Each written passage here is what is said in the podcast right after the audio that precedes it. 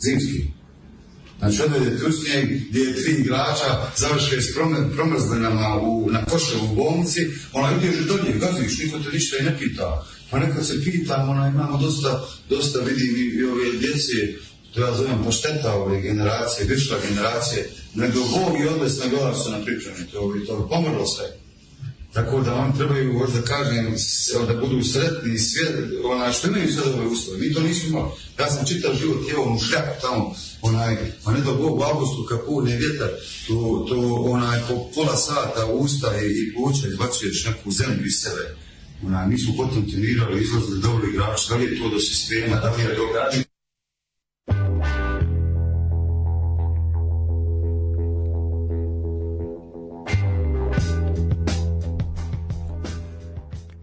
E, da li je to do sistema, do čega je? Pa šteta generacije sa vama, dragi moji, 162. put se slušamo nešto izmenjenom terminu, ali ovaj tako je jednostavno sila, sila prilika. A u koju generaciju spada predsednik? Pošto on voli da kaže, znaš, ono kad ode negde, evo, nisam dugo jeo paštetu.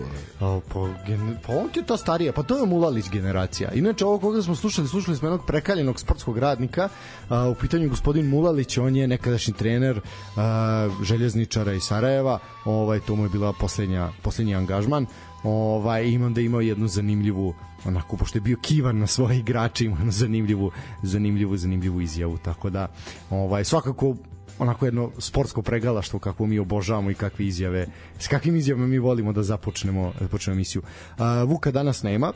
Vuk je vrlo slikovito opisao svoju situaciju da mu je glas trenutno kao kod Viktorije kada peva Barakudu što je jako dobro bilo. Uh, tako da je Vuk odsutan. Uh, a baš ko za, ko za inat mi imamo jako puno rukometnih tema, odnosno nisu, nije to ni puno tema, ali nekih dešavanja koje baš nisu jasna, tako da se mi nećemo mnogo baviti tim, mi ćemo malo to prokomentarisati iz našeg ugla, svakako ćemo čoveka koji je na izvoru ovaj, informacija pustiti da onda naredni ponedeljak malo, malo detaljnije to, to objasni. I onda duže vam je, dragi slušalci, jedan aforizam više. Kada... Apsolutno, to, to se piše. Njegovi dugovanje aforizama se piše. Znači, toliko aforizama već duguje da će ono, znaš ona priča, svako dete kad se rodi već je dužno po glavi, e pa njegovo treće koleno kad se rodi dužno ja, je aforizam. Pa, možda je njemu pukao glas jer je vežbao aforizme pred ogledalom. Kako ja, se vidi, da ti ja nešto kažem. S obzirom da je on promenio imidž, stavio one leno naočare, a, snima se za Instagram, ono, ja očekujem da samo ćeš videti naslov jedan dan Srđan Olman Dinčić i Vuk Vazdenović stand up u Gerili ili već negde. Tako da vidjet ćeš. Objektivno je tu naš Vule najduhovitiji. Apsolutno. U odnosu na Olmana, dečja sahrana je duhovitija. Znači, Olman je toliko jedan neduhovit čovjek koji ja ne znam. Dinčić još, ajde, zna, zna da bude fazona ali Olman je baš tuga teška. To čak ni oni naš skraćeni snimci na Instagramu ne mogu da poboljšaju. ali dobro. A, bila neka, sad te, te stand-up scene, bila je neka, uh, nije, nije Splitsko, nego Dalmat, Dalmatinsko veče, ili tako nešto, ovaj, gde su četvorica momaka, stand-up komičara iz Dalmacije, mislim da su manje više svi iz Splita, ovaj, bili mislim u areni Cineplex u Novom Sadu ovaj i masa se grohotom smejala iako je realno od onoga što sam ja video od njih četvorice jedan je sasvim solidan dosta dobar ova trojica ono to, to je ništa, to je samo podizanje vlažnosti vazduha ovaj na osnovu akcenta koji oni izgovaraju. A, pa to, to, to. E, da, pa da, mi, gledaj, mi novosađani smo se uvijek smejali da splitskom akcentu i obrnuto. Da, da, to je to. Znaš da. kada je Balašević pričao pokojni, kaže, ovaj, znate što, kaže, publika, ja sam malo ostari i sve mi je teže da pevam pesme su ovoliko puno teksta, ali kad odem u Split, ali ne znaju ovaj vojzanski, znaš, mogu da podvalim neku reč. Pa, da. pa to koji Oliver Dragović pa, da. isto to, da. Možeš, mislim, realno ne znaš šta je rekao, mislim, tako da može proći. Ovaj, ali eto, čekamo Vuleta, čekamo Vuleta svakako. A voliš, a onda dođe refren i onda se kuneš u Olivera i to je to. Tako je, tako je. Uh, ništa, idemo, idemo redom, imamo svašta nešto, biće malo i košarke, biće malo i vaterpola, rukometa, naravno futbala, počela je Superliga, 20. kolo Konačno. je malte ne odigrano do kraja, ostala je još jedna utakmica koja se igra sutra.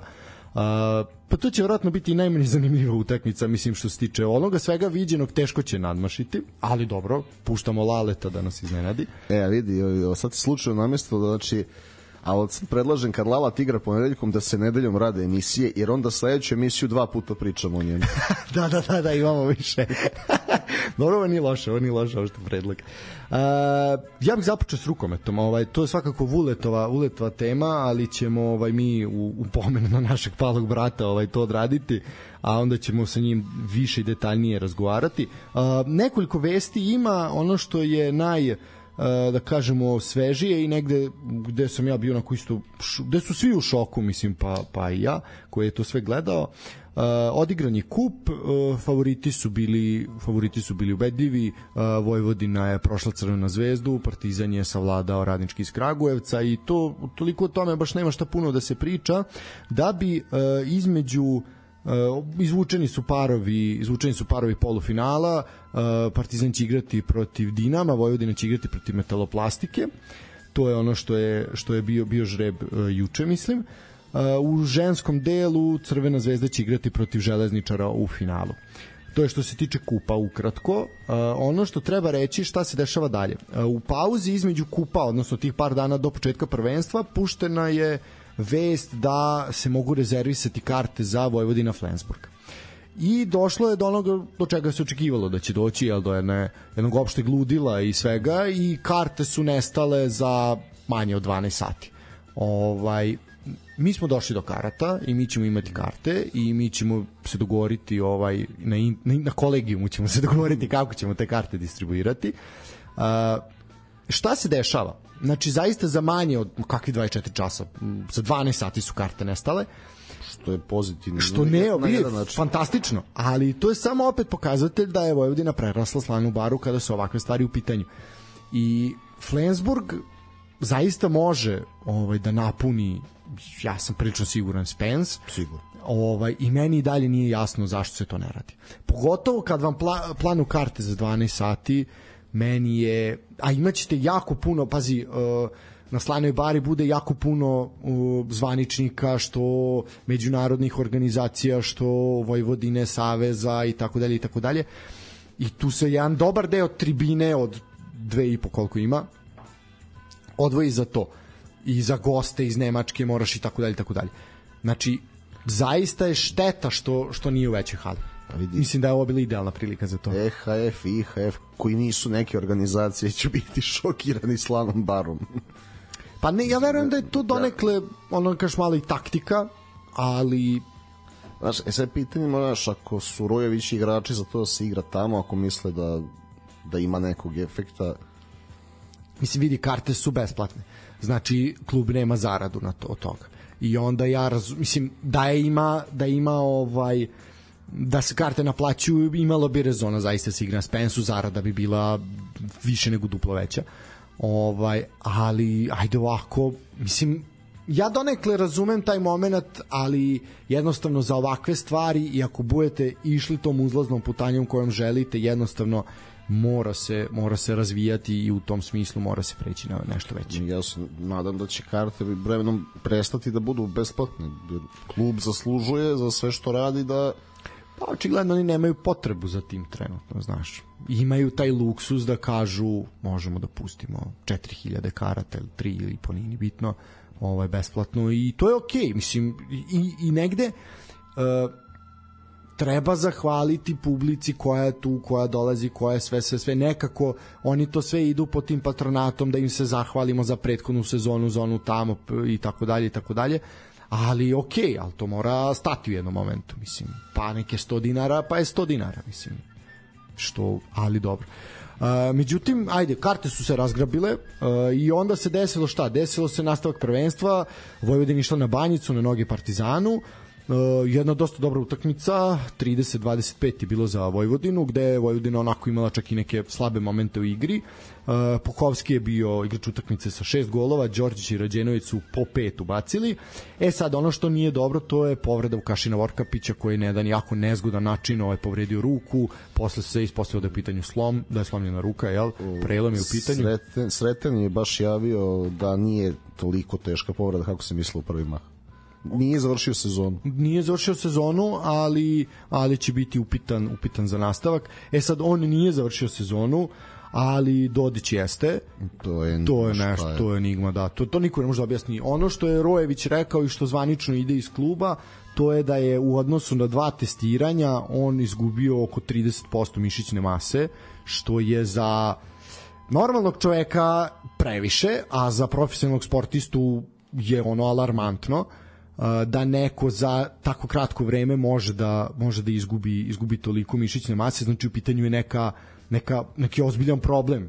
E sad oni ne znaju mislim postavljena je dijagnoza, ali nisu sigurni u to i u klubu sumnjaju da je ta dijagnoza ispravna, jednostavno ne može to niko da potvrdi tako brzo.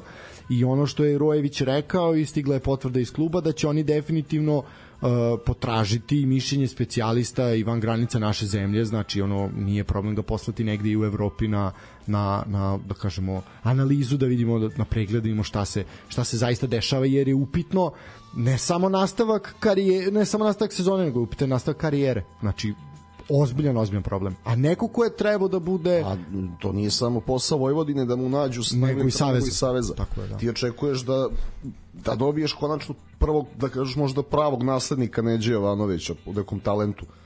I to je momak koji ima liderske karakteristike u sebi, to smo videli u mlađim kategorijama. I videli smo i kad je ulazio da menja Kukića i igrajući za Zagreba, ali nejasno je ono što je jeste dobro sa druge strane to je da se Nikola Zečević oporavio od povrede i da je konačno na, na terenu. Mada je više igrao u odbrani ono, za početak, a Tako ući će u ritam E vremena. sad s tim da sa ovim gubitkom Dodića i Vorkapića uh, problem je što je Milić jel stradali su ligamenti to je još pre nekoliko meseci Aziz je još uvek povređen Vukovljak je povređen, povređen Šijan je povređen sad tu pred nastavak borbi a najviše se sve to potencirano je za da kažemo ta, je, ta evropska takmičenja odnosno Ligu Evrope sad je to ozbiljno ozbiljno pitanje u kakvom sastavu i koliki zapravo realan otpor može da Vojvodina da pruži i sad protiv prvog protivnika i posle naravno protiv Flensburga koji je ovaj naj, najzvučnije ime tako da boga mi jako jako nezgodna situacija i videlo se po izrazu licu, lica Rojevića da jednostavno i on sam je ušokiran i da čovjek jednostavno ne zna ne zna šta da radi, ne zna sa čim raspolaže i baš, baš ne, jako, jako nezavidna situacija. Tako da biće gadno. No, ne, znamo, kako, znaš kako znamo kako se kod Rujevića trenira, a sad to je čovek i uspešan u toj meri. Ali to ti je opet ona varijanta s druge strane, ono, pre, nekad može doći do pretreniranosti. Znaš, kao i kod Vujoševića kad smo imali neke serije povreda u određenim sezonama, ovo, vidjet ćemo da li, znaš, da li se on adaptira na adekvatan način što se tiče režima treninga. Stvarno mora da misli sad i o tome jer je ovo jedan novi, viši nivo za Vojvodinu, a koliko fronta ima četiri. Da. Imaće kup, ali eto 13. to je ovaj utorak se igra utakmica u Švajcarskoj protiv Kadetena. Jako, jako nezgodno, pričali smo o tome, prošli put Vule je pričao koliko ozbiljnih utakmica čeka Vojvodinu, uh, imaju i da kažem i dve utakmice sa Flesburgom, između toga metaloplastika, ponovo taj kadeten, znači zaista Surov raspored. surov raspored sa debelo oštećenim ovaj sastavom biće biće jako jako nezgodno i momci su nije da nisu znali da i kada ih je bilo isto tako su bili povređeni da nas iznenade i da nešto ovaj urade naprave rezultat onako vredan vredan pomena ali ovaj put će zaista biti nikad teže, ali ajde da vidimo, na muci se poznaju junaci, pa pa šta bude. Uh, zanimljiva je bila ta preskonferencija ne samo zbog uh, ne samo zbog izjave Rojevića i zbog toga što su svi željni da saznaju stanje Dodića i ostalih i naravno i Vorkapića i tako dalje, uh, nego je i trener Partizana Ćirković bio poprilično onako rezigniran suđenjem i to nije nisu jedini koji ćemo u ovoj emisiji spominjati što se tiče suđenja. Neki su čak napisali dva ovaj saopštenja u roku od dva dana. Uh, ali neko od koga to možda i nismo toliko očekivali m, zaista se žalio na suđenje i žali se na traži ekspertize suđenja i utakmice Vojvodini, Vojvodini Dinama i uh, Partizana i Kragujevca ovaj, radničkog iz Kragujevca jer on tvrdi da je su sudije otele 17 lopti ovaj Partizanu i da tu zaista onako je suđenje bilo više nego više nego pristrasno. Ne znam šta bih rekao. Da suđenje jeste malo na stranu favorita, uvek jeste i u svakom sportu jeste. Rukomet je specifičan da zaista je mnogo na sudiji i mnogo je ostavljeno po pravilima je ostavljeno da sudija ima taj prostor da malo ovaj da je svoj neki da kažemo šmek da doda po svom nekom nahođenju i osjećaju i svoje proceni što je neka dobro neka a u većini slučajeva nije tako da ne znam šta bih rekao, malo, malo onako jedan moment. Da li je Vojvodina zaštićena u našem prvenstvu? Jeste. Jeste. Mislim da to ovaj ipak ne treba ne treba pričati. Uh, meni meni nikad neće biti jasno i to na to sam šizeo i kad sam i kad pričamo o Zvezdi i Partizanu i u fudbalu i u košarci nije ni bitno. Ako imaš tim koji je za tri klase bolji, a protiv nekih klubova i više od tri klase, ovaj zašto imaš potrebu za tim? To meni nikad neće biti jasno. Znači, kvalitetniji si, pobedit ćeš. Zašto moraš imati Zašto je taj a to je meni jako demonstracija sile, a to je meni da, da, jako jako mi je to vezano za Srpsku naprednu stranku. Znači ono, ako imaš sve u ovoj državi, a zašto ti je bitan i predsednik Ujsnog saveza naš? A to je to. To je to naš ono da sve da ono da to je meni nekako taj taj momenat jedino nije jasan jer mislim da je nepotrebno razumeš ono ne zato što ne znam Mislim, niko Svakako. neće ići da divlja da ih povređuje. Ta povreda Vorkapića je bila slučajna. Mislim, Ali da li, to je ne, nehotica. Da li neko može, evo, da, i da izgubiš utakmicu dve na kraju sezone si prvak svakako sa tim timom i kad je najbitnije čistiš sve lagan. Pa da, ne, ne meni nejasno. Mislim, normalno da je uvek kad igraju Manchester i ono, ne znam, treće ligaš, uvek je naravno će malo biti, će biti pošteđeni, ali nekako... Pa nije to čak više, od kad postoji VAR i to je... A to je neka zaostavština nekih prošlih vremena. I nekako... Mislim da tu je Vojvodina dosta imala problema i u Evropi. Da jedno suđenje kod kuće, drugo suđenje u Evropi i, i tu je problem. Pri tom što je sam sam ovaj sam način suđenja je drugačiji, a onda tek sve ostalo. Pa da, tako, a tako u svakom sportu dok se da. nismo adaptirali. Uh, da, inače, uh, onaj gol o kom smo svi pričali na polufinale ovaj, za produžetak uh, Fran Francuska ili Švedska, da. na kraju sudijska ekspertiza kaže regularan. Objasnile su sudije, nekoliko sudija koje su sudili ovaj, na vrhunskom nivou su objasnili, e sad da li je to samo zaštita kolega ili je to zaista tako, to je sad na, pa ne znam, ne, on jeste to majstorski izvod i druga noga je odvojena, ja sad na kraju ne znam Tako da eto, sudije kažu. A šta je obrazloženje? A, ja nisam došao do obrazloženja, jednostavno e, video, pa. to je ono što je, pa zato kažem, može biti da sudije samo štite sudije, ovaj, jer oni se zaista, zaista drže ovaj, kao ovaj, jako blisko da ne kažem neku ružniju, ružnije poređenje.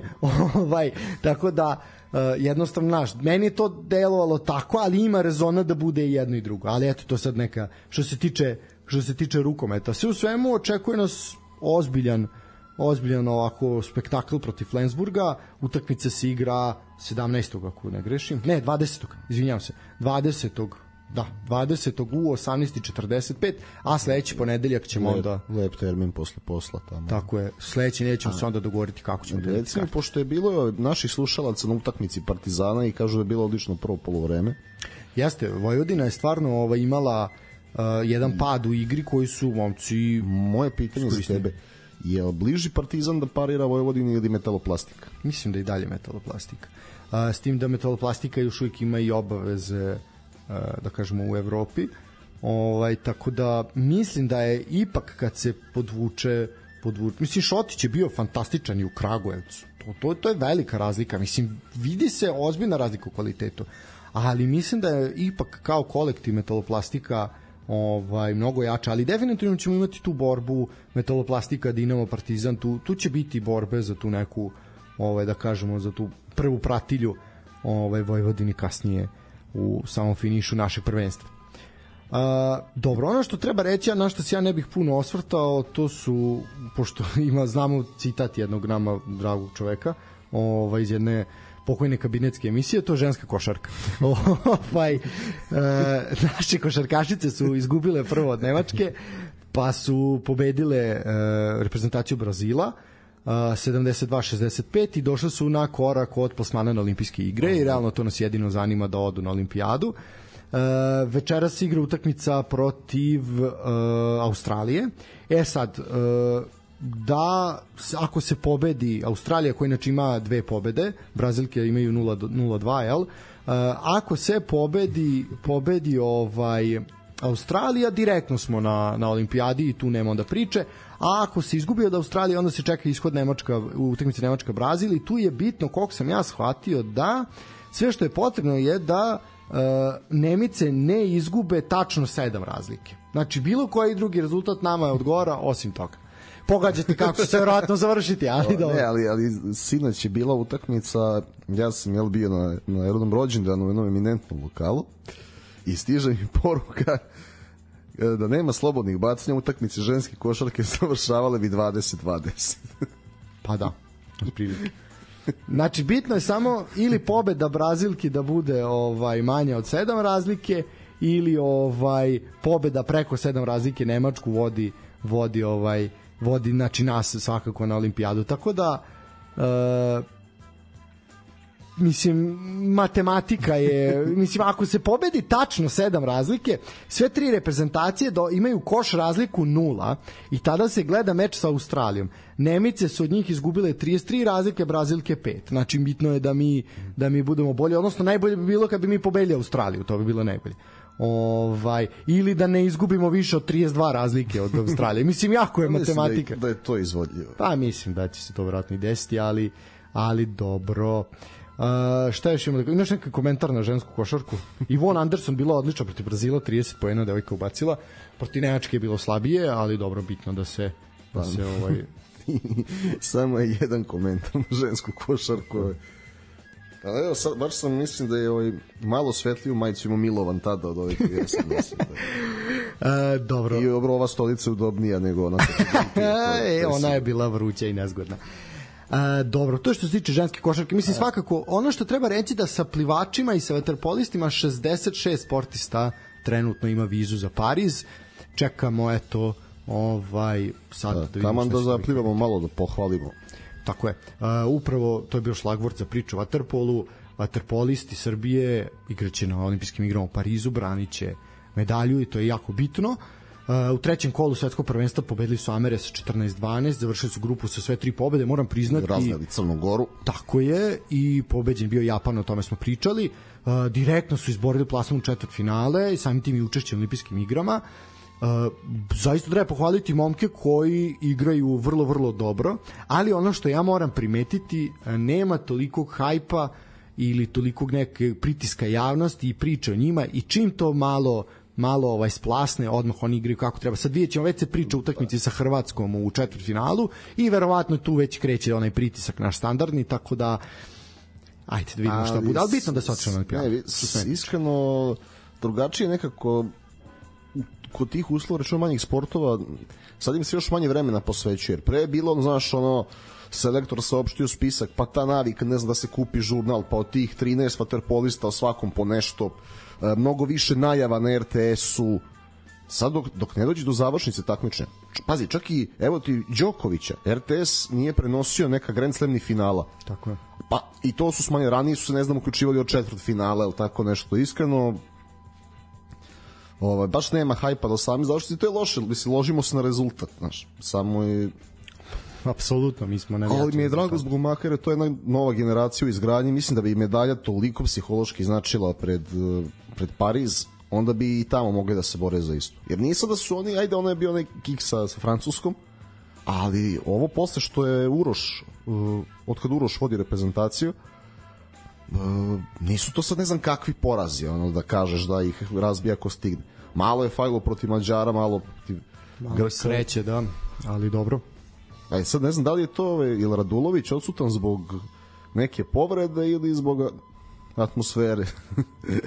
ili zato što mu je lopta ispala pa prilikom pa peteca. ne znam, ne znam.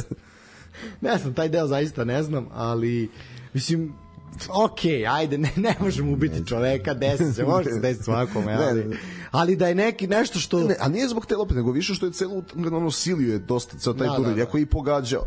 Znaš. Pa dobro, da, mislim, to je dve strane medalje, jel? znaš, ipak ima to sad, ne znam, ne, ne, ne znam šta bih rekao, ali neko oni pobeđuju i dobro je sve to. Nažalost, mislim, tuga je što smo mi navijači rezultata i to ćemo doći sad i kad bude ove dalje teme, kad prelazimo sad na futbal. Uh, jednostavno, Pa ne, najbolja scena ti je u košarci bila sad i ovo gađanje. u, da, da, Bayern. to vidiš, to, to sam ovaj, Ono je sramota.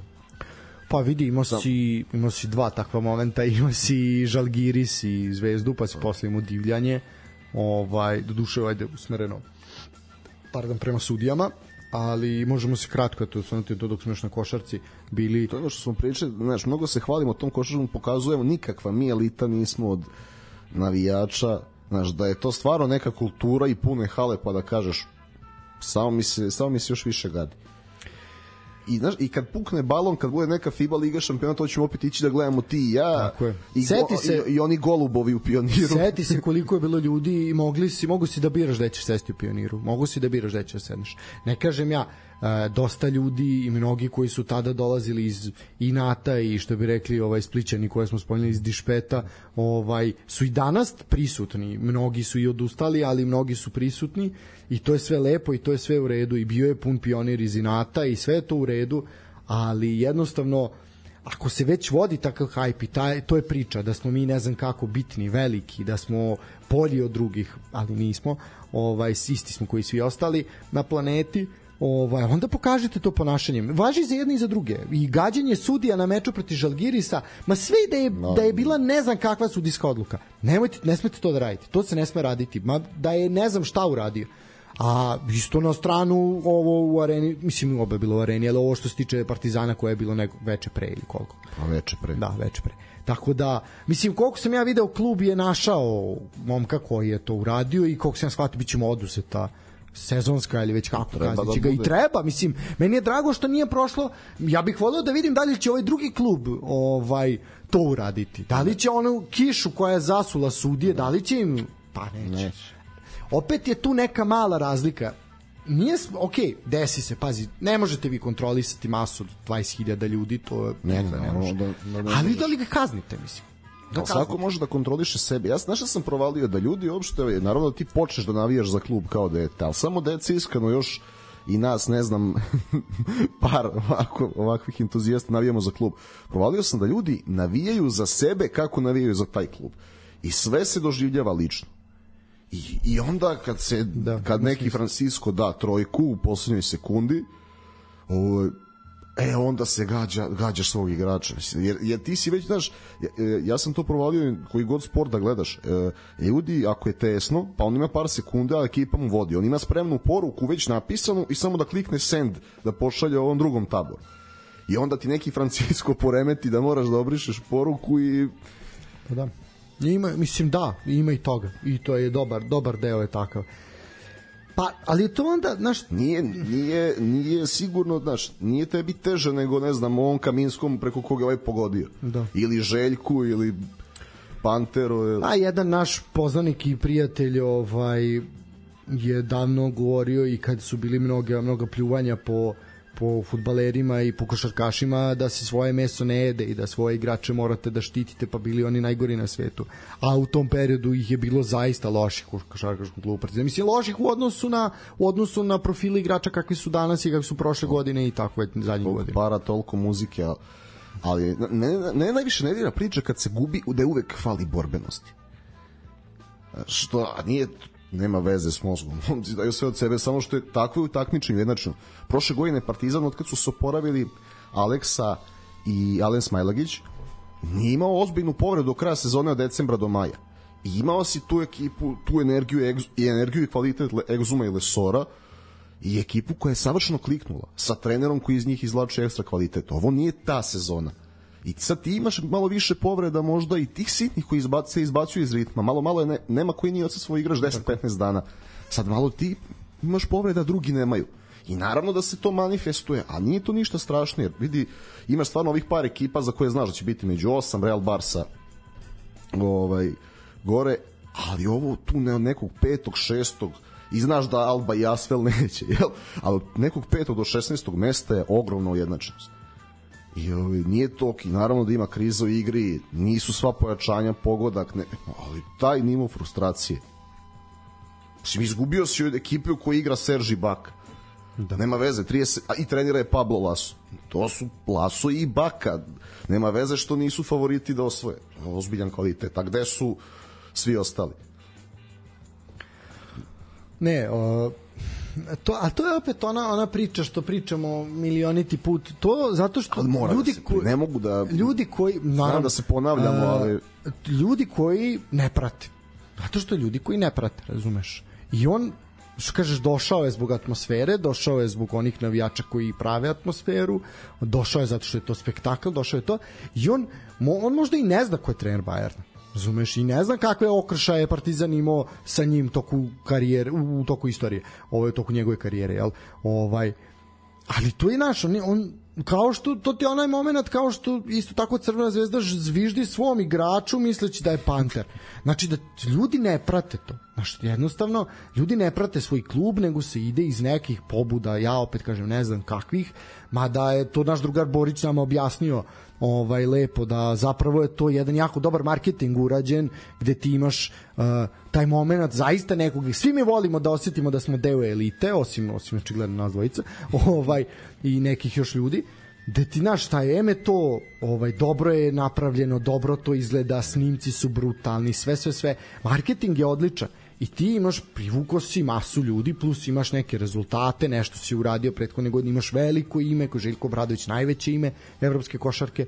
Ovaj jednostavno sve to je naš jedan veliki jedan veliki paprikaš iz kog dobiješ onda šta dobiješ? Ali u tom paprikašu će bi i, ima i ovakvi stvari. Ne, a pa evo, mi, mi ćemo biti deo elite za šest dana naše elite ali šalu na stranu uh, na kraju krajeva dosta navijača zvezde ide u arenu samo iz nekog inata da ne puni samo partizan znaš, isto. a, tek taj moment mislim ali da. I to ist, mislim i to radi jedni i drugi. Da se ne lažemo tu isto. strane. Dobro ali partizan je opet prošle godine napravio taj brend sa arenom sa 20.000 ljudi, e sad moraju i ovi, ne može da E bože, kako jednom detetu da daš, a drugom da ne daš. A to je tako naš. Jedni i drugi se ponašaju kao deca. Znači, kad jedan je dobio, zašto ja nisam dobio? Kad drugi je dobio, zašto ja nisam dobio? Znači, pa... uvek je to.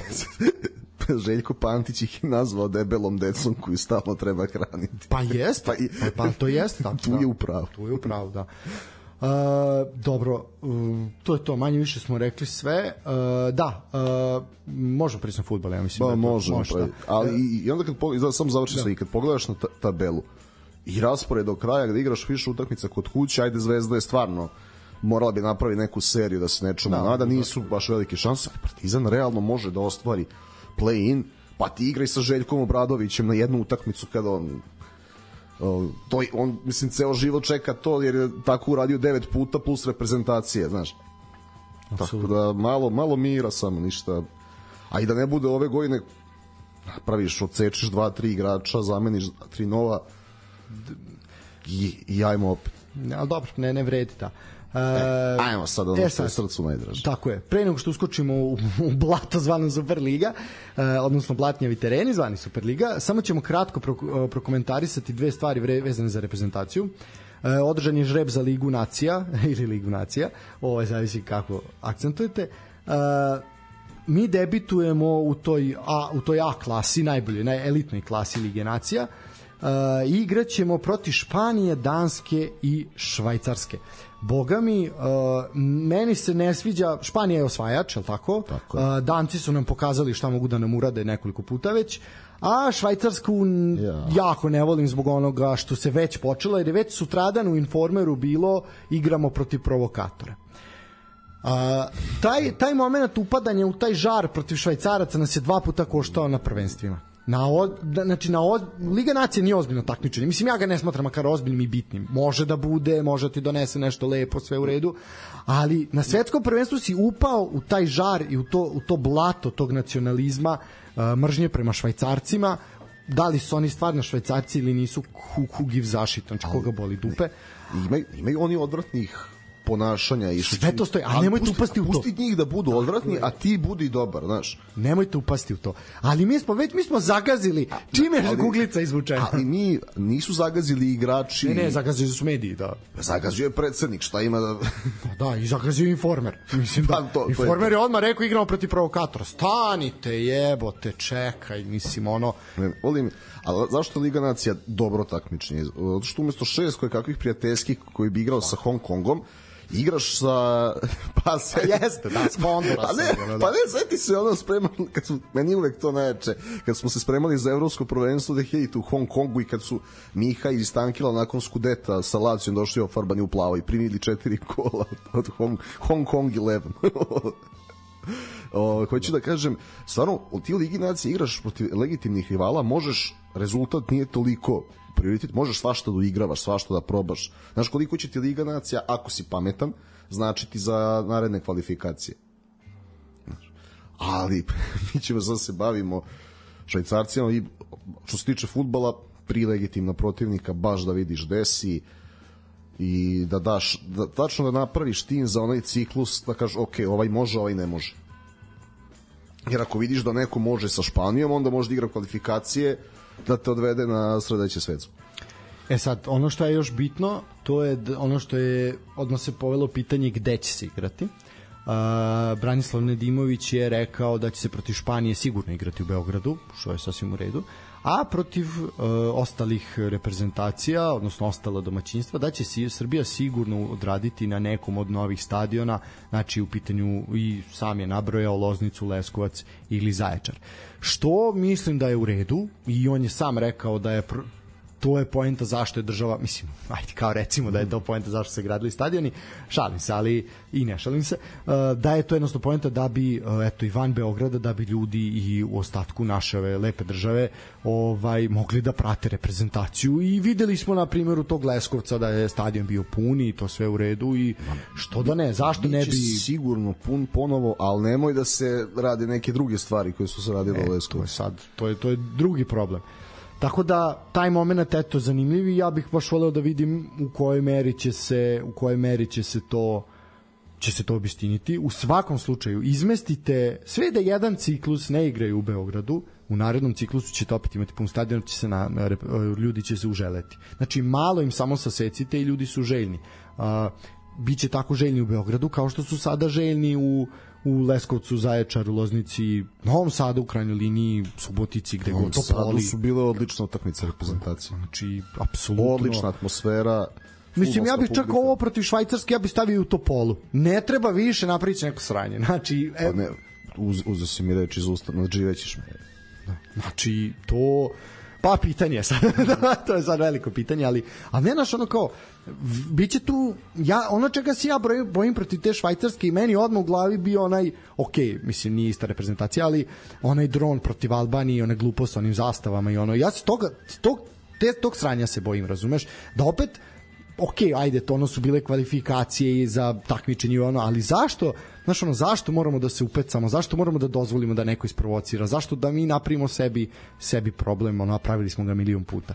Znaš, to je ono čega, zašto bih ja naš, nek bude što, nek bude i 4000 u Topoli, bombona ne treba ti više. No, Mislim, i, I u Topoli mislim da se ta publika Ne. neće baviti ničim osim futbola. Tako da, eto, na primjer, Nedimoviću, čuj nas. Uh, e sad, još jedna vez za reprezentaciju, završavamo s reprezentacijom, to je da je na nekom odboru za hitna pitanja, ne znam šta odbor za hitna pitanja, čemu služi u Futbolskom savezu Srbije, ali obožavam te komunjarske fraze. Znači, ove. odbor za hitna pitanja u. Futbolskom savezu Srbije. Ali, dobro, poštujemo. Ajde, su na hitnoj sednici, jer od toga život zavisi. ima jako dobrih, posle kad budemo čitali saopštenja Novog pazara, ima vrhunskih rečenica, teškog srca je dosudio penal i tako dalje. E, Znači, hitno, znači, jer to život znači, su odlučili sledeće da će se vratiti stara boja dresa, znači vraćaju se kombinacija crveno-plavo-belo. Konačno. Hvala Bogu. Ja ne znam ni ko je odlučio da budemo samo crveni. Znači, to, to, ta isto treba da stavi prst na čelo.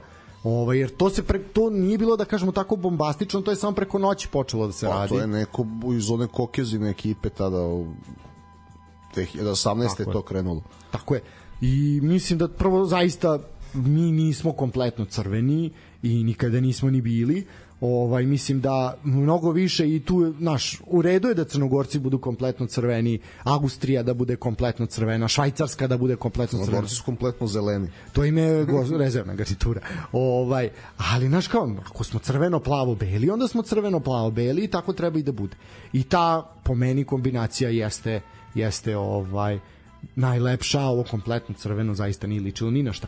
E sad, ono što je još bitno, to je da se ona zgažena kokoška skida sa dresa i da se vraća grb koji je grb Saveza, znači ono što je isto sasvim bilo i taj moment nije bio jasan. Ali se seti tog momenta, eto, na stranu što je plavi dres stvarno bio lep, ali kad tog momenta, ok, odvojile se države, ajmo crveno, plavo, belo, koliko, ona utakmica, kad je, mislim da je Deki Stanković bio na promociji tog prvog dresa, ono, crveno, plavo, belo, kako treba i to je stvarno Dobro izgleda, izgledalo. dobro izgleda, Sa, da. sa zlatnim brojem.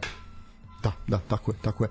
Pogotovo taj pa i sa belim brojem kad je bilo uh, kad je bilo sa to je ta kvalifikacija za, Za Južnu Afriku, da. Odlično. Ovaj to je vrhunski izgledalo. Čak i taj momenat Nike to radio sa onim belim kao krstom, to je sasvim u redu bilo, ništa tu nema nikakvih zamerki.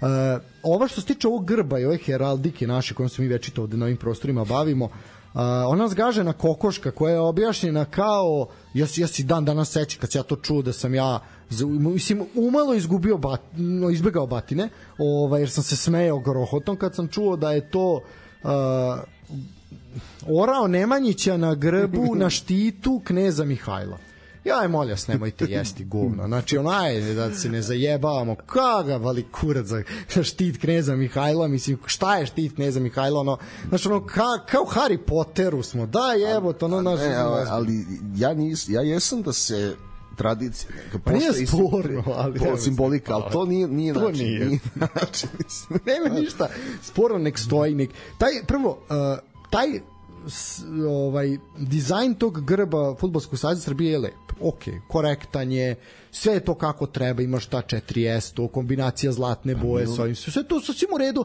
lopta na sredini, sve kako treba. Pa mi imamo- Zašto se izmišlja? Mi uporno ovde lepe stvari pokušamo da poružnimo. Mislim, ja... Znači, nebitno da li je grb saveza, kvalitet svinskog mesa, ne razumeš, mi moramo, ima, imaš sve i ti ga kvariš sam, mislim. Ne znam, ne znam šta bih rekao, ali dobro. Uh, sve u svemu, drago mi je što, što ovaj, uh, drago mi je što Ali znaš što je interesantno, to oko skroz crvenih dresova? U drugim sportovima to nije tako. Znači, u drugim sportovima su ovaj, e, prvo neretko se igra i u plavim i u belim bojama. Čak naj, najređe u crvenim, kad gledaš. tako je. A, Na primjer, vaterpolisti nikad nisu nosili crvene kapice. Samo golman. Samo golmani, da, da, da, tako je, tako je. Pa dobro, da, odbojkaši su plavi, košarkašice i košarkaši su plavi, bili su na jednom momentu crveni, ali u pretežno Ima su plavi. crvena ga niti postoji, ali se da. ne igra stalno u njoj. I sad zašto to iživljavanje na futbalu, evo, Zato što je najpopularniji. Zato što je najpopularniji, to ti je odgovor. Znaš, jer odbojkaši su na kraju krajeva zbog pesme hteli da, da ostanu plava četa. Tako je, da. Uh, imaš i moment rukometaša koji su igrali kompletno plavoj opremi ili su crveno plavo i mislim naš uh, ni, mene sad da ne nemojte da shvati neko pogrešno meni zaista ne smeta da budemo crveno plavo beli niti bilo šta to su boje zastave i tako treba i da bude da li će to biti mislim uh, setimo se 2006. odnosno kvalifikacije za svetsko prvenstvo 2006. imao si taj moment crvene majice plavog šorca uh, bože plave majice belog šorca i crvenih štucni I to je to, boje zastave. Pa zato što tako treba. Ako već imamo tri boje i tako poslažemo, ako napravi- tako može Francuska, zašto ne bismo mi mogli i to je to. Pa mislim, ne, ne, mislim, znaš, ne, ne shvatam poentu zašto se moralo čačkati, zašto svaka garnitura koja ovde dođe, da li je to u futbolskom sad čemu god, zašto, e sad više nećemo tako ko što je bilo, sad ćemo ovo, sad ćemo mi da izmislimo novo. Porao Nemanjića i da, ne se palati, mislim. Mislim, pa to a bilo ti ona, to je kvalifikacije za Rusiju, ja mislim. Beli dres s onim ljubičastim gore na ramenima, ali to za Rusiju ili za Katar? Beli, gostujući beli dres sa ljubičastim, onim kao matične ploče na ramenima. Ne, be, beli dres, pa ne, to je uh, to ti je ono neuspeli pokušaj neuro, ali bio je dobar beli dres. bio dobar, ali sećaš se te matičnih da, da, da. tih ploča na ramenima i to je objašnjeno kao u, u čast Nikole Tesla. Nemoj me zajebavati, raz... mislim dobro izgledalo, ali nemojte tu pa petati gluposti. Tesla bi vas zamolio. Pa nemoj, samo nemojte, Tesla nemojte i bit će u redu. No dobro, ajde, dosta. Mislim, Tesla bi volio da više znaju o njemu i čime se zapravo bavio i zašto je toliko značajan nego što... A dobro, ajde. Eno, to, tu toliko ima interesantno, može 10 emisija se napravi, a kakav mislim, posvetan adresu. Bude laština. Ajmo dalje. E, dobro. E, da, ono što treba kratko još prokomentarisati, to je utakmica na kojoj nažalost nismo otišli, a to je Omladinska liga šampiona. E, Partizan je igrao protiv Brage u jednoj pa lepoj atmosferi, bilo je tu i lepo i publike, moglo je biti i više. E, bilo je puštena samo zapadna tribina, bio je besplatan ulaz. E, Partizan je odmerio snage sa Bragom. E, nažalost, e, omladinci Partizana su sustavljeni u osminu finale je otišla Braga. Zaista ono što je Braga iskoristila 2-0 je bio rezultat ono što je Braga iskoristila su dve zaista greške ako je na ozbiljne greške defanzivaca ovaj u drugom poluvremenu su zaista momci ovaj Partizanova deca su bila dobra. Ne vidi se da ima dosta talenta i treba je opet naglasiti e, što se tiče Brage vidi se da su nešto fizički jači i sve su igrali momci 2004. i 2005. godište. E, Partizan je imao samo jednog igrača 2004. godište. Trifunović je, zato što je bio starter u Ivanjici, dulje ga je povukao, nije mu dao da igra za mladince. Jevremović 2004. crveni karton, Baždar je odavno sa seniorima, niko nije razmišlja da igra to takmičenje, tako da je e, šest momaka 2006. i jedan 2007. godište mladi štoper Simić ovaj, dobili su šansu i bez obzira na sve pokazali, ne, pokazali su da Partizan ima ovaj, našto da računa, jer se tu povela priča, znaš, kad, kad je kao da je sve crno, da ne valja teleoptik, da ovo, da on neće biti.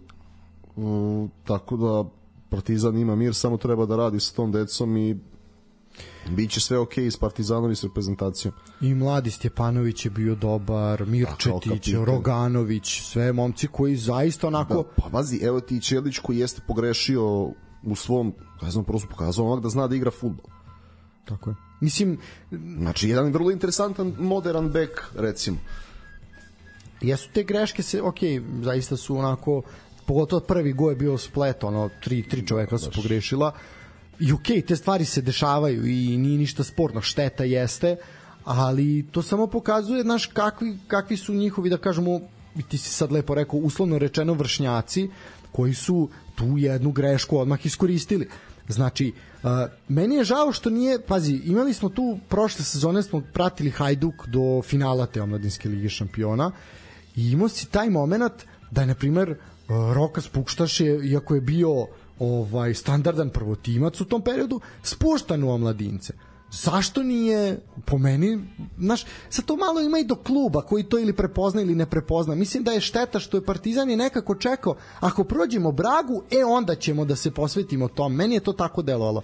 Malo je tu možda, možda je trebalo ići svim snagama pa što pa, da ne ali... mogli su još Trifunović i Baždar možda pa da, pa. ali ali ne znaš kako, oni su, ja nisam za to Meni je ovo što je Simić igrao 2007 a 2004. je limit mnogo više vredi ako utakmici izgubi. Ja se slažem, slažem Jer, se. Ne, radi se stvarno momku evo, koji, ako se bude radilo s njim kako treba, možda može dode za više novca nego Strahinja Pavlović. Stvarno, no, veliki talent. Jer ako je neko, šta će, Baždaru to ne treba. Jer on se samo opet spušta, a Dušanu Jovanoviću to treba. Tako je. Baždar treba da pokaže da da ako kad ode Saldanja na leto, a ide sigurno, da kaže, e, nemojte vi dovoditi strance, evo ja sam spreman, znaš. I eto ti dogodine da rešiš i bonus i špica jednim potezom, ako on stvarno iskoristi svoj talent. To je ono što bih ja što voleo izbog kluba, izbog reprezentacije. Neće se desiti tako, 99%, ali to je ono što on mora da uradi. Njemu ne treba da igra omladinsku ligu šampiona. Tako da, eto, to je... Znači, onaj, samo onaj ko se još nije afirmisao na seniorskom nivou. A, dobro, rekli smo, u suštini, kažem, nekoliko igrača smo apostrofirali koji su bili koji su onako upali za oko da imaju šta da, šta da pokažu. Vanja Dragujević koji je 2006. godište defanzivni vezista igrao štopera. Vrlo korektno. Tako je. veći deo utakmice.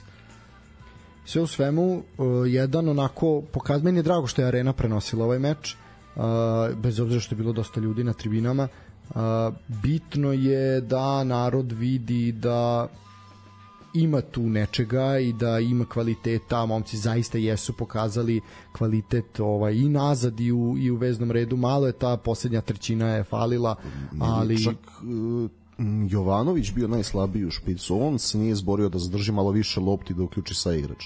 malo je malo sam je fizički više, da. je da bio možda Ne, ne, on je fizički izuzetno jak. On je tehnike njemu fali. On je izuzetno jak ovako, ali tajming i tehnika još baš mora da se radi sa njim. vidi, svi oni vreme je pred svima njima i svi oni mogu da rade na sebi. Ja, znaš što se meni nisu napred. sviđa, što se malo to uspostavio Partizanu, da su seniori došli to da gledaju i recimo imaš Saldanju koji je gleda utakmicu sa šerifom, pa je kačio storije sa Jovanovićem, kao sa iste pozicije kao ja vodim računa o njemu, nešto na brazilskom, tako je kad prevedeš, ide da gleda i košarku i mladince i igra kako igra za prvi tim. E to je, ako već imaš sportsko društvo, onda je to poruka kako se treba ponašati. I onda posle mi kaže stranci ne osjećaju klub. Aj, manite mi tih više. Da, da, pa, da, da, dobro, to je, to je, to je izgovor kad nemamo koga da dovedemo, onda kad vraćamo, da, onda, onda je to. E, dobro, ne, sve u svemu, e, jedan, jedan lep moment, ovaj, kažem, šteta zaista, ali Braga je na kraju ovaj iskoristila te greške i prošla dalje zasluženo ovaj ali zaista eto ima ima šta ima potencijala i mislim da i u narednim godinama će Partizan ovaj svakako imati ne samo da u potpuni bonus nego će tu biti biti i dalje ozbiljnih talenata i ozbiljnih prodaja u krajnjoj i reprezentativaca i Tako je. O, i treba pohvaliti bez obzira što nisu prošli grupu mladinci Zvezde koji su igrali ligu šampiona i, i odatle će biti isto. Odlična generacija može se napraviti a u 2005 6 7 8 Tako je. Uh, ajmo. E sad, ajmo. Uh, utakmica prva, 20. kola Superlige Srbije odigrala se u petak radnik Čukarički u Surdulici. Surdulička bombonjera, neprilično popularan termin i ja moram jednu stvar vezano da kažem. Prvo, Čukarički bio fantastičan uh, i Čukarički mi sad deluje kao partizan u onom momentu kad ga je preuzeo Petrić, toliko se ono, vidi se da to je taj moment kod Petrića, a sad se ispostaviti tačan, ono što smo mi pričali, taj psihološki moment. Znači, kao da im je skinuo psihološko opterećenje, tu neku barijeru ili šta god, i momci su iskidali, momci su pokazali sve što znaju. I tako treba. I tako čukarički su čovjek, navikli. čovjek ovaj, izuzetnih socijalnih veština i dobre reputacije koju ostavi za sebe ovaj, korektan zaista Uh, jedinu zamerku koju ja imam na ovaj ovaj meč, a to ću posle važi za Vojvodinu, to je, molim vas, nemojte zlatnim slovima na bele dresove, ništa se živo ne vidi. Ne vidiš da pročitaš. Ja mogu koji raspoznajem, pa da kažem, ja znam koji je koji, ali to se jako slabo se vidi, jako slabo. Znači, shvatam ja tu poentu zlatnog i sve je u redu, ali ljudi ne vidi se na prenosu. Znači ako već ljudi koji dolaze na stadion, malo ih i sve, ako se već gleda na televiziji, a dajte da makar se vidi onda na televiziji šta se dešava. Pri tom terenu u Surdulici nije bio najgori ovog kola, ovaj, bio je solidno loše, ali Pa solidno. pokušali su da ga poprave za ovaj prolični deo. Sad, sad će on da se pogoršava iz biti kola u kolo. sigurno. Ali mo, moramo Miladinovića da pohvalimo. Ne, Stvarno, pričali smo njemu i baš onako, znaš, kad neko onako postepeno napred, onako sve bolji i bolji, u smislu razvoja, onako kao Kristijan Belić, znaš, malo pomalo, malo pomalo, tako se ovaj dečko razvija samo na svojoj poziciji sa svojim karakteristikama i Ovaj, mene stvarno ne bi iznadilo da on bude A reprezentativac jednog dana.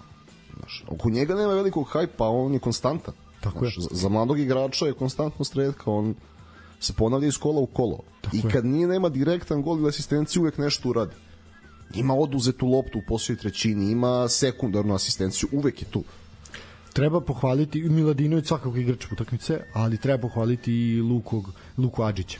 Ovaj čovek koji je bio asistent kod oba gola i isto jedan jedno onako zaista zaista ozbiljan ozbiljan mladi igrač. Ovaj tako da obojicu obojicu treba pohvaliti. Uh, radnik možda i kanio nešto pokazati, ali momci Dušana Đorđevića su ono ošamareni u 40. sekundi i onda i kad su se ustalili već u 18. je pao drugi goj, mislim jasno je to bilo da oni ne mogu. Znaš kako, pričat ćemo o svima i čekamo još napredak i Spartak, ali nisam za sada u odnosu na jesen i dugo pod... nisam video ništa novo.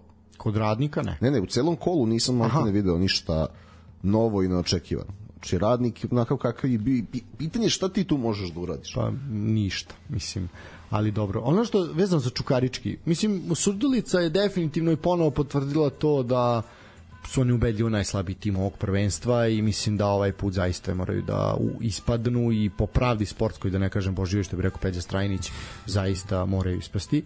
E sad, e, što, ono što je za Čukarički zanimljivo, to je da je novi futbaler Čukaričkog, momak koji je predstavljen dan pre utakmice, 27-godišnji štoper iz Urugvaja, čovjek se zove Koruho Brikola Guzman, prethodne dve godine igrao u MLS-u za ekipu Šarlota, Uh, igrao je u urugvajskom nacionalu, tamo je osvojio dve titule šampiona, odigrao je preko 100 utakmica za nacional. Uh, deluje da su da ekipa Čukaričkog onako u finišu prelaznog roka dovela jedno zanimljivo može da će postići vjerojatno i bitno pojačanje. To ćemo, to ćemo u sledeći, znaš zašto? Što je do 16. prelazni rok kod nas, sledećeg petka, tako da, da vidimo završio sad, sad je završio se prelazni rok i u Turskoj i to mi je izuzetno drago, zašto? Zato što je portali su želeli da zarade toliko na da privuku pažnju zbog saldanje kako će da ide u Fenerbahče, iako su svi iz kluba naglasili kakvi god da su šta god kome su njima ne sigurno ne ide na leto ide i to je to, to je svima jasno. Ne, Saldanja će ipak u Fener, pa ide u Fener, pa ide u Fener i ovih gomila portala. E sad, konačno su svakako, slažem se sa tobom. Uh, ono Tako što... Da, ali hoću kažem, da završim, izvini, pošto se stvarno mnogo zemalja završava prelaz rok i očekujem još neke poteze kod sigurno nas do 16. Biti, sigurno, da. Naš sigurno neko ko nije našao angažman baš u toj Turskoj, mi smo neka B opcija u odnosu na tu Tursku neredu. nažalost, ali da. Ovaj, tako da svakako uh, biće, ali ja to kažem, jedan momak onako zanimljivog, zanimljive karijere. I imena iz, imena istana. Znaš kako ovaj... mi to ime zvuči? Kao ono kad, se, kad su ložili Anđusa da ga zovu iz Perua i pa se potpisivali tako ono, sa, sa tri imena latino, znaš. e pa, eto, prilike je to to. Strašno.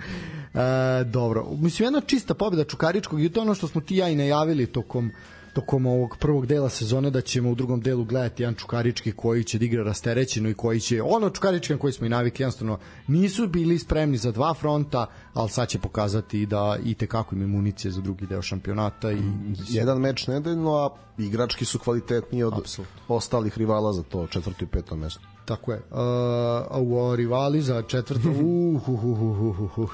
Doći ćemo do jednog prvi takav rival je igrao u Pančevu.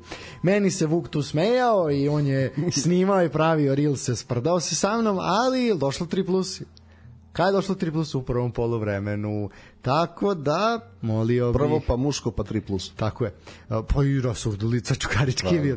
Naravno. Uh, e sad, prvo, uh, ako izuzmemo naš najveći stadion u kojoj je lupano najviše para i sve tako dalje i tako dalje, a to je svakako Rajko Mitić. Uh, ja moram pohvaliti još jedan put ljude iz Pančeva, uh, iz sportsko-rekreativnog centra Mladost u Pančevu, da je zaista podloga u Pančevu bila među najboljima u ovom kolu i zaista im svaka čast na tome. Železničar, Novi Pazar, jedna odlična utakmica, dva fantastična gola odmah na početku meča, prvo sjajan slobodnjak Aleksandra Đorđevića, njegov šesti pogodak. Kakva sezona. Fantastično, svaka čast zaista.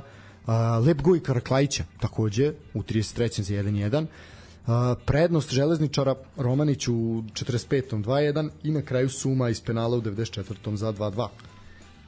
Romanić je neko ko je ovaj, odradio dosta posla za železničara, da ga nije bilo u statistici. Njemu će ovaj gol kao napadač mnogo znači. Uh, ono što treba reći da su se povredili Ljajić i Šćepović, uh, i to je svakako da, uh, to je svakako veliki veliki problem za Novi Pazar. Uh, e sad nije samo to problem. Uh, besni su u Novom Pazaru poprilično na suđenje uh, krive sudiju da je on prijatelj Dejana Santrača, da je tu straže smenu i ostavku Santrača sa predsjednika te sudijske organizacije i tako dalje i tako dalje.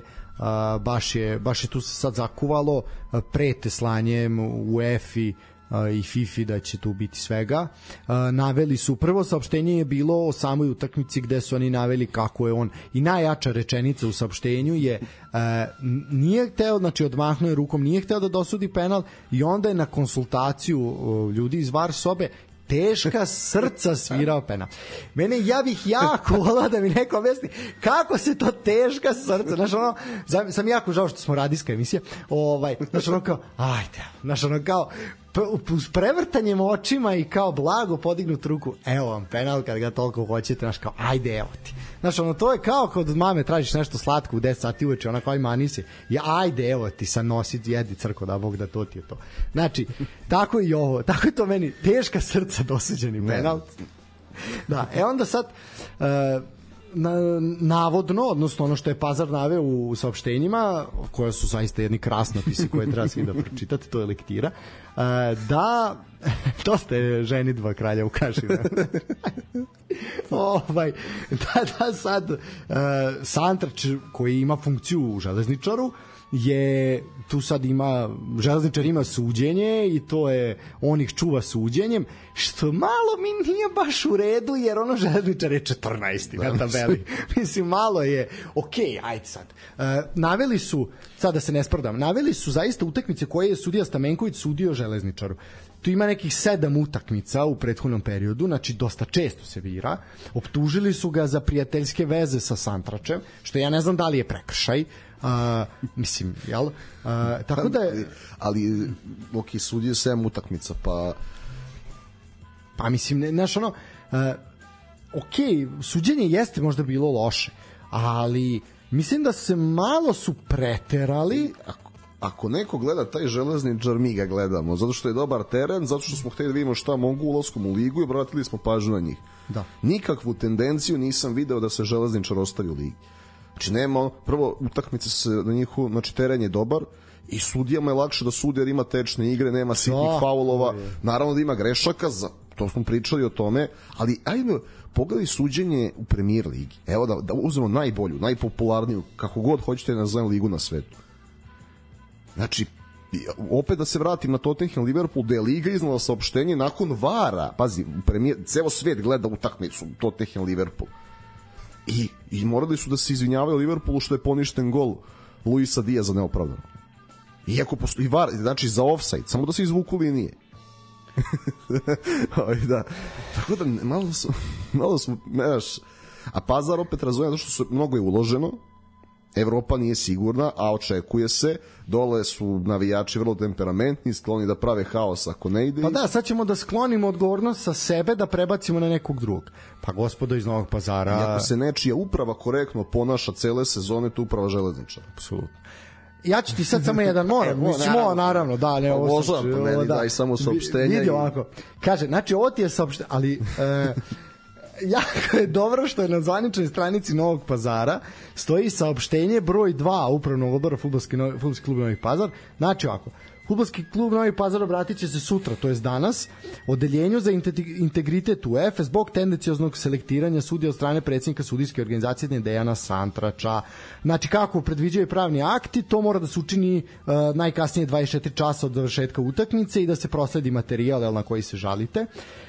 Lični prijatelj Dejana Santrača Ivan Stamenković pokazuje elementarno futbalsko neznanje i ljudski nemor. ja. Ali vidi, da su naše tvrdnje istinite, tačne, pardon, ilustrujemo podatkom da je u prvoj ligi Srbije u prošloj sezoni sudija Stamenković na čak sedam utakmica delio pravde železničaru, e, a u tekućem prvenstvu Superlige već je tri puta sudio, Znači u 20 kola čak tri puta im je sudio. ovaj, I uvek kada je železničar bio domaćin i na svim utakmicama su oštećeni gosti. Čukarički, Napredak i Novi Pazar. Treća utakmica Novi Pazar. Mene samo, ja ne znam, kako se ni Čukarički ni Napredak nije žalio, ako su baš tako oštećeni? Pričamo, znamo da je Napredak klub koji nema problem da digne glas na bilo kakvu nepravdu. Oni prvi. A, pa vidi ni... Pa ni Gale Obradović. Pa ni Gale Obradović sa sve Matijašić. Ajde, eto, nek neko objasni Ne vid- kako. Pravi se haos bez potrebe do prvog protičnog kola, ne, čini smo nastavili. Ne vidim čemu ta paranoja da ovaj, Samo, samo još jednu stvar. Ovde E, svako nastupa sa tom ovaj na, Vujošević je to radio taktički, svi su protiv nas, iako je znao da je tako ili bar da nije uvek tako. A ovde, ovde su svi u toj nekoj paranoji da ulaze, da vode imaginarne borbe neke, ja ne znam koje borbe vode. Ali, ali vidi, taj moment, e, mislim, to je jedna od odlika tog nekog, da kažeš, nacionalizma, gde ti uvijek imaš nekog imaginarnog protivnika protiv kog se bojiš i onda naš grupišeš stalno svoje snage, ko je sa mnom ili ko je protiv mene. Pazi ovaj moment. Pazi ovu, ovu rečenicu koja je jako perfidno, na- ne samo perfidno, nego je jako, ovo je jako baš ružno i po meni zlo i problematično. Kaže, ovo ne radimo samo zbog Novog pazara, već zbog svih ljubitelja futbala koji su oterani sa stadiona i tribina, aludirajući na kazne koje dobijaju, zbog raznih Santrača i Stamenkovića. Pa draga moja gospodo iz Novog pazara, neće biti da je Dejan Santrač kriv što vi nemate Što vi publiku. gađate protivničkog Tako je, ne, ne čak protivničkog, nego svog golmana Mirkovića ste koji je bio kapiten na ovom meču, ste pogodili. Što malo nožem hoćete da počešete Filipa Kljajića i tako nekih, što se bacaju koje kakve petarde improvizovane sa koje čim na trenere, na bio taj trener Nenad Lalatović koji će skočiti ili neko ko neće, ovaj nije ni bitno, ali znači da li je tu kriv Dejan Santrač, pa ne bih ja baš rekao. Ja ne kažem ne, ne branim tog čoveka, taj verovatno ima putera na glavi koji A ne svi, ali bilo ni prvog ni drugog saopštenja da su na kraju dobili. Da je bilo 2 3 tako je. ćutalo bi se, znaš. Ovako odoše dva boda, Mislim sreće u nesreći što na primjer to Vojvodina ne, to nije ali oni su pisali saopštenje dok je Vojvodina vodila, znaš. Kao Pa, direktan rival. A Čukarički da. dobije u petak i... Tako je, da. Razumeš? E, da, mislim, prvo saopštenje se, kažem, više odnosi na samu utakmicu, drugo, drugo saopštenje se odnosi kao ta pretnja da će poslati i, i moment, ovaj, uh, moment, kako se zove, to povezivanje Stemenkovića svim. I onda naš, takve dve objave, i onda ti je sledeća objava da je s- napravljen u sklopu e, hotela spa centar za sve sportiste u Novom Pazaru i da je to učestvovao i i fu, i fudbalski klub fudbalski klub ovaj uh, Novi Pazar i znaš, to, je, to je nešto što je lepo i to je ono ta infrastruktura koja nam treba za oporavak sportista, svih i atletskih i atletičara i futbalera i ovih i onih i rukometaša i tako dalje. Znači, možete dižete taj region, dižete tu tu zajednicu, e, radite dobre stvari, sredi, sređivali ste atletski stadion, sredili ste trening centar je dobar. Znači Pazi, i svi- i, i zašto onda naš čemu ovo? I svi želimo novi pazar kao što želimo svaki drugi grad koji ima infrastrukturu da, Apsolutno. da uloži u sport, nego oni vole, e, znaš ono, kako ti objasnim, e, ja te zovem na rođendan, a ti ideš okolo pričaš kako te nisam zvao. Prije, tako se ponašaju ovaj, pazarci. Stalno ta, to foliranje da se osjećaš nešto neželjeno, odbačeno, ne razume. Pa, ali nisu to samo oni, to, mislim, ovo- kod njih imamo najviše to, ali tu rade svi. Mislim, manje više rade svi. Znaš, svi, svi su, eto, nas niko ne želi, nas niko ne voli, mi smo uvijek, mi smo svi protiv sistema. Jebote, ovde su svi protiv sistema. Znaš, u koji nemojte, samo nemojte. A, dobro, sa jednog predivnog terena kakav je bio i zaista, zaista predivnog u Pančevu idemo u nešto što je sličnije, ne znam, ono, pa rovovima u Prvom svetskom ratu otprilike, a to je Ivanjica bila u subotu u 14 časova. Neki su bolje prošli na frontu nego Trifunović i ovaj Sveta Marković. Pa ne, dobro, da, da, da, ne, opet, opet ta raskrvavljena glava kapitena Partizana. Ja, ne vidi, a, to god se Sveta Marković bori na način na koji se bori i nek bude krvav, ja apsolutno reč neću reći, tako treba. On je, on je bar, ne, ako je neko, on je demant uh, godina. Tako je, tako je, Zapuši usta svima. Tako je. Ja mislim da on nije pogre, pogrešio, ne znam kada mu je poslednji neki kiks bio, ono, možda protiv Nordšelanda, ono, znaš, eto. Pa, da. Pa dobro, možda malo tamo i TSC, ona i tako. Tu, tu, dobro, tu svi bili loši, Da, ali da. da. Da, ali eto, da. Uh, jedan očajan teren. Uh, Javor koji je oslabljen, otišao je Gigić, otišao u drugu tursku ligu. Uh, I drago nam je zbog Gigića, dečko koji zaista ima kvalitet, nadavo se gola u tom Javoru i zaslužuje da zaradi neki dinar. Ja verujem da ćemo mi njega brzo vidjeti Ma nazad da, da, ovo je... to je da se uzme lova i vraćam se. Uh, A ono što je negde Ostali su bez Normana Campbella letos. Uh, Ibrahim Tanko je bio taj koji će preuzeti tu funkciju i dobro je to radio, odličan je bio. polusezona. Iz, zbo, zato je u našem izboru on i ušao u 11. Ibrahim Tanko se sa razlogom našao u naših top 11. Ovaj, ali jednostavno onda prodaš i njega i prodaš i Gigića i tu je ono sad Šta je malo... bilo na kraju sa njegovim pregledom? E sad, uh, on je otišao Makabi iz Netanje i uh, nije prošao lekarske preglede. Ali za razliku od Čalušića koji se isto to imao, znači u dva dana ste imali vest da se uh, dva igrača Superlige nisu prošli prošli lekarske preglede, znači Čalušić nije prošao u Japanu, ovaj a Tanko nije prošao u Izraelu. Uh, jednostavno Čalušić se vratio u to polo. E sad za Tanka nema još uvijek nikakvih informacija. E sad ispada da je Čalušić otišao povređen i da se to znalo, a pa, to onda nije u redu. A, a tamo ga je dočekao Čikaranko koji je ovde bio u Vojvodini i da on nije Znaš, malo, malo mi je to sve čudno jako. Znaš, ti si ga gledao ovde, a realno si znao da je, mislim, ver, trebalo bi da si znao da je Ja povređen. ne znam šta, šta mi imamo protiv Japana, znači ovaj ne, ovo, ovo varamo za preglede kad ode tamo. Ovde ne plaćamo igrača, ode bez ne znam zašto, zašto je problem da.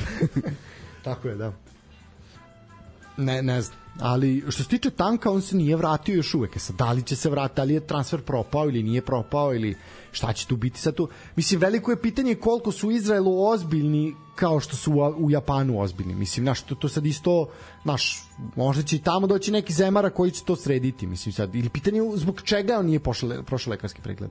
Znaš Čalušić je bio povređen sad. Šta je tanku? To ne znam Uh, ono što što se treba još mislim to je to je neka vest koja je bila pre same utakmice. Uh, definitivno se vidi razlika da Javor nije radio pripreme na Kipru. to, to, to je prva od ovih ekipa gde se tu zaista to vidi.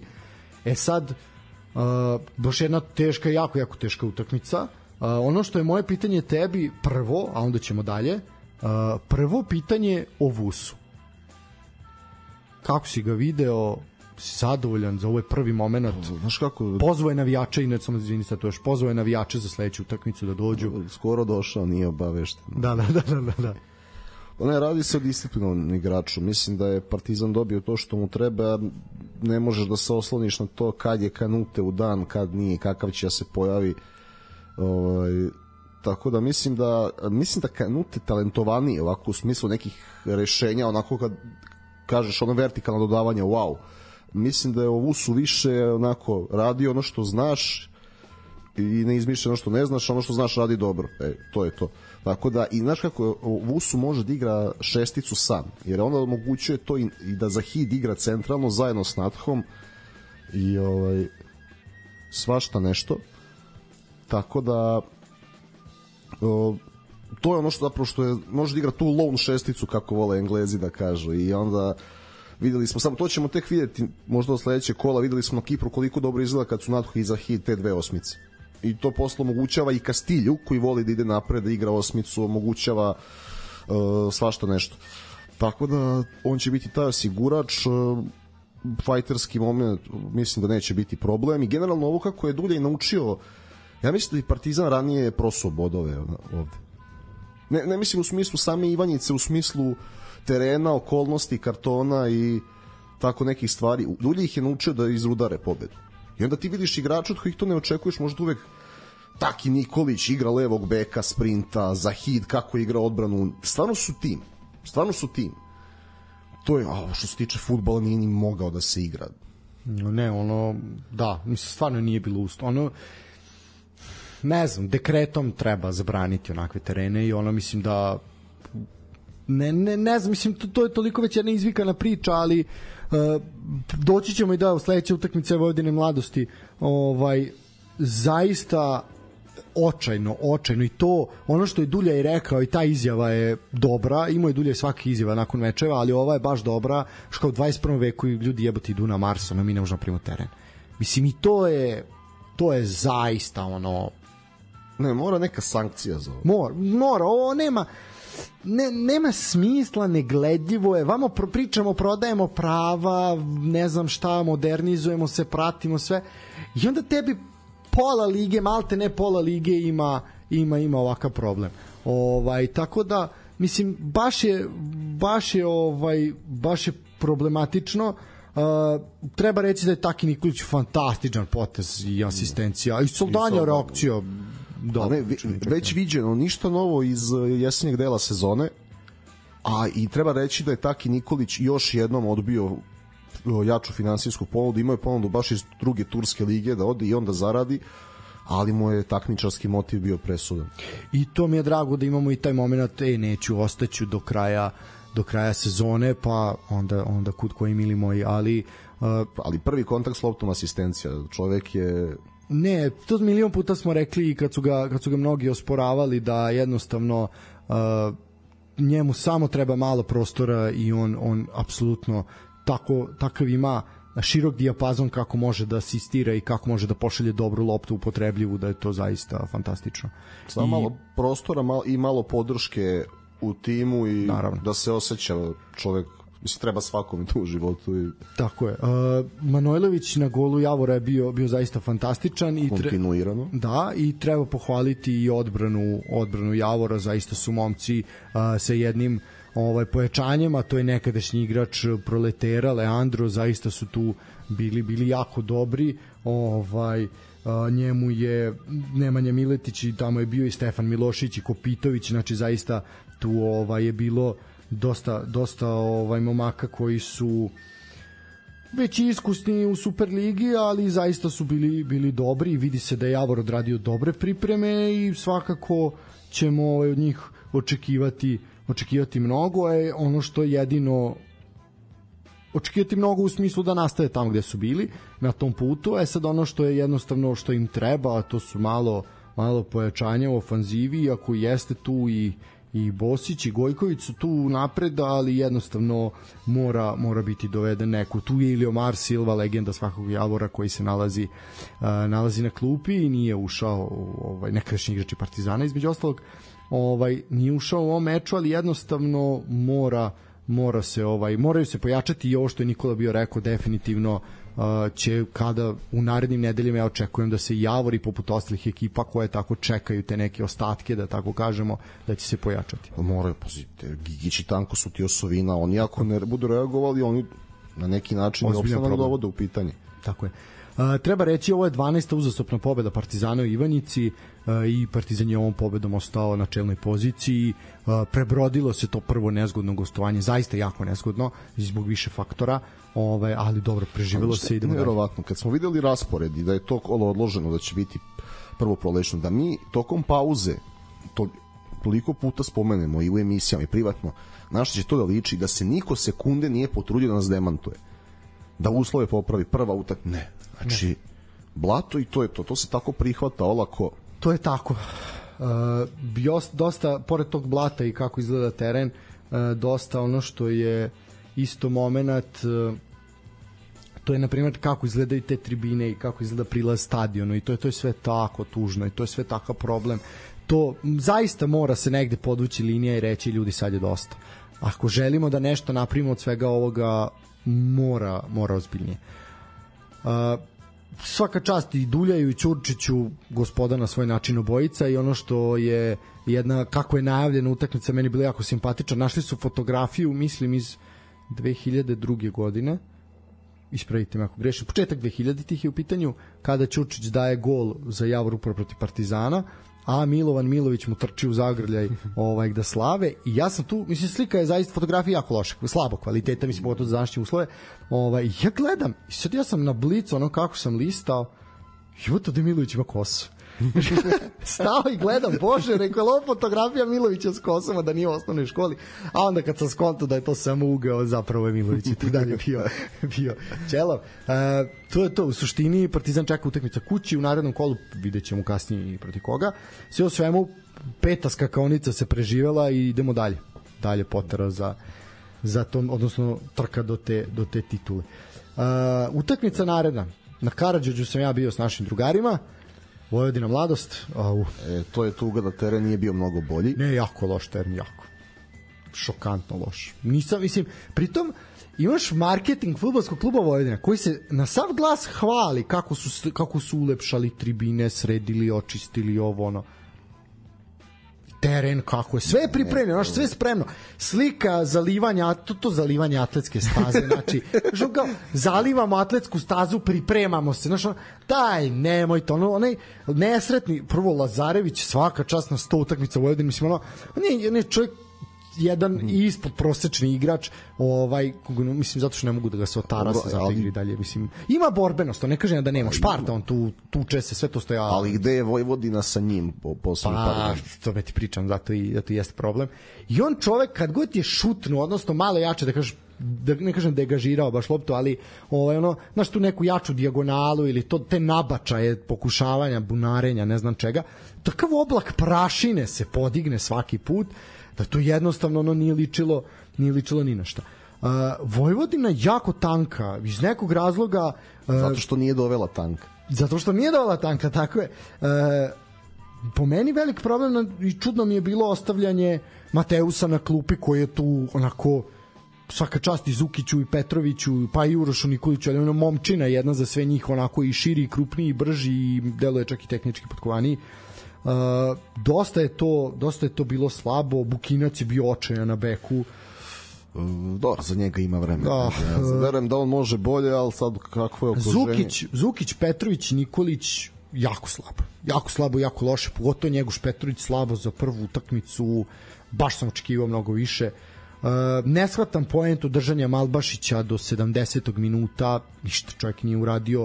Uh, Vukanović isto tanak, i Vukanović i Nikolić imali dve sjajne šanse gde su jedan na jedan sa Sašom Stamenkovićem, koliki god majstor bio Saša Stamenković, a jeste, i stvarno se raširio, sve ono, to je Vlada Stojković, to je ta škola raširenja koji Dišljenković nekad što je radio, ali ti da ne pokušaš da šutneš, nego da je tako samo gurneš, kao i straha da je plasiraš samo, i to, na, to nas je lagano otkotrlja pored stative dva takva šan, vidi, to je već moglo biti 2-0. To je prvo polovreme. A de onda, okej, okay. 11 terac koji 11 terac, dobro, bio je, uleteo mu je sve u redu. Cvetinović dosta dobar lučanima, nazad, moram priznati. To, to jeste sredina za njega. To jeste, uh, stvarno, pokazali su da su iskusnija ekipa i tu nema šta. Uh, Varjačić je pokušavao, pokušavao je dugim loptama stalno da nađe nekoga. I našao je na kraju. I na kraju, fant 95. minut, kakav centar šut, majstorski i kakav skok Ezea. Znači, jedan jedini napadač samo pored Bojića koga, za koga znaju da ne može da skoči, ovaj, toliko, i ti ga neču, ti ga pustiš. Gde je Jeličić, gde je Crnomarković, gde su, prvi pazi, 95 minuta odbraniš se i kraj. I ti dozvoljavaš da ti u poslednjem kontaktu s loptom čovjek onako skoči kao da je ono Lebron. I ti on pogledom pratiš. Po pogledom si ispratili. Diviš da. mu se. Pa, mislim, aplauz je bio u svakom slučaju. Ne, stvarno, uh, daleko od toga da mladost to nije zaslužila. Jeste. Imali su sjajnu šansu gde je Rosić pokazao zašto je ono shot stopper, zašto je najbolji ocenjeni golman Superlige. Stvarno je to bila onako intervencija intervencija malo je reći vrhunsko, sjajno je skinuo vole i vidi svaka čast, nema, nema priča uopšte. Me, što se tiče Vojvodine, nešto najpozitivnije u tog kluba je Marina Visković e, u dresu čekao, isto. Sam sam čekao. I to nije njena prva konekcija sa futbalom. Pazi, ona ima u svojoj pesmi koja se zove Casablanca. Ti imaš stih uh, koji je vrlo važan za ovo što se ovde igra. Dao si mi prvi žuti karton, za crveni si pravio se slep. Očigledno nešto sa Marinom i futbolom ima. Nešto ima, neka tajna ovo veza. Treba, ovo treba Novi Pazar kad bude sledeće saopštenje. Pa ne znam da li, da li je pesma posjeća nekom iz našeg futbala suđenju ili se misli na Kazemira kad igra Ligu šampiona što se osporava za te njegove kartone, ali nešto ima, pa pazi ovo, kakvih tu ova, ima stihova. Hajde, molim. Puštena sa lanca kao Stafford, napadam Tiego kao zver. Oj, oj, oj, oj. Ne, treba je zvati da gostuje. ja. A bojim se da nije njoj audio forma baš zanimljiva, više tu video moment. Moram onda ići live na Instagramu otprilike ili tako. Nema problema. Sredit ćemo se, može.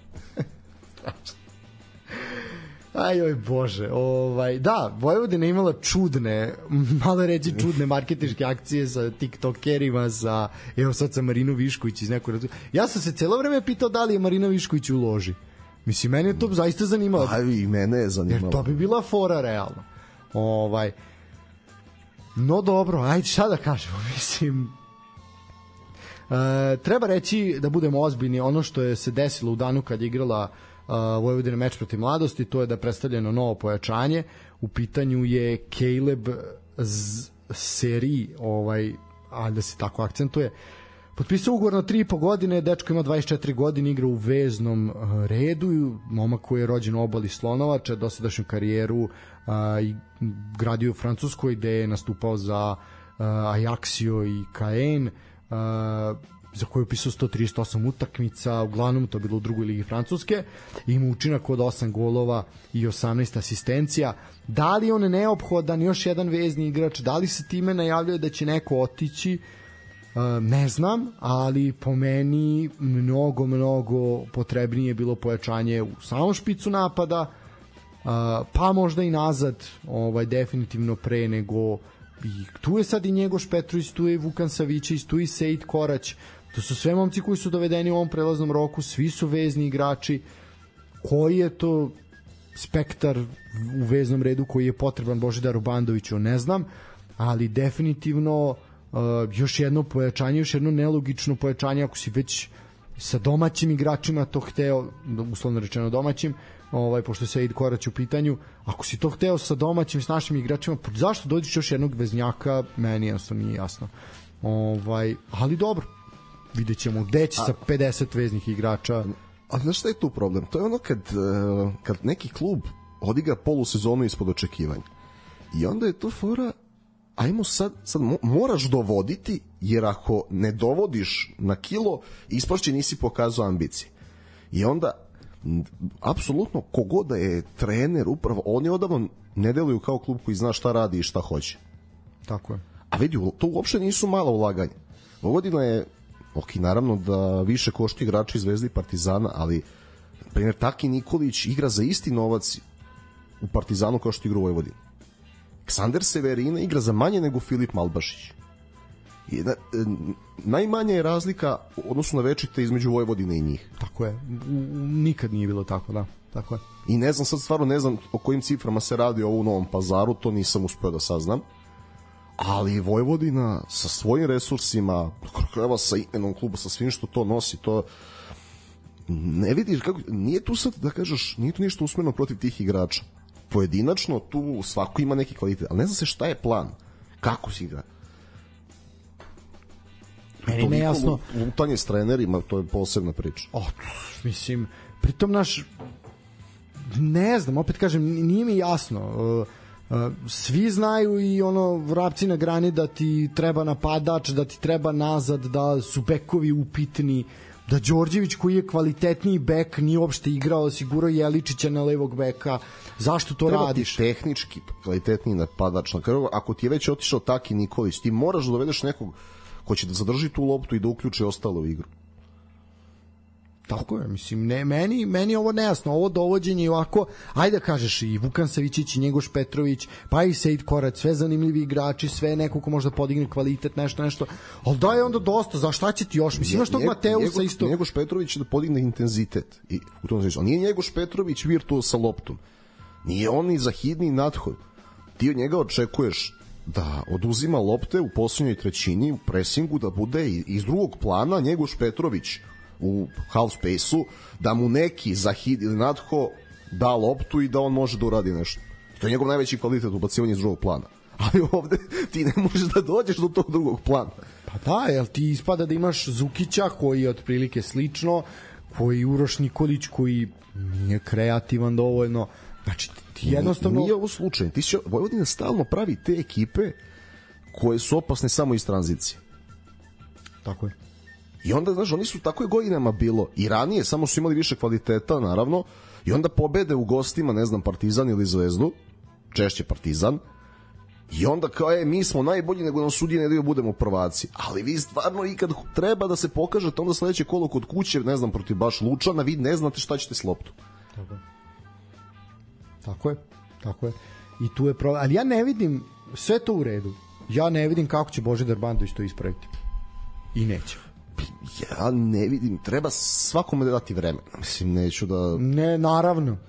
Ali ne vidim, da, da, ne vidim ko bi ispravio. Pa ne, ne, pa to jeste problem. To da mi kažeš, dobro, evo, možda nije on rešenje, ali ko je?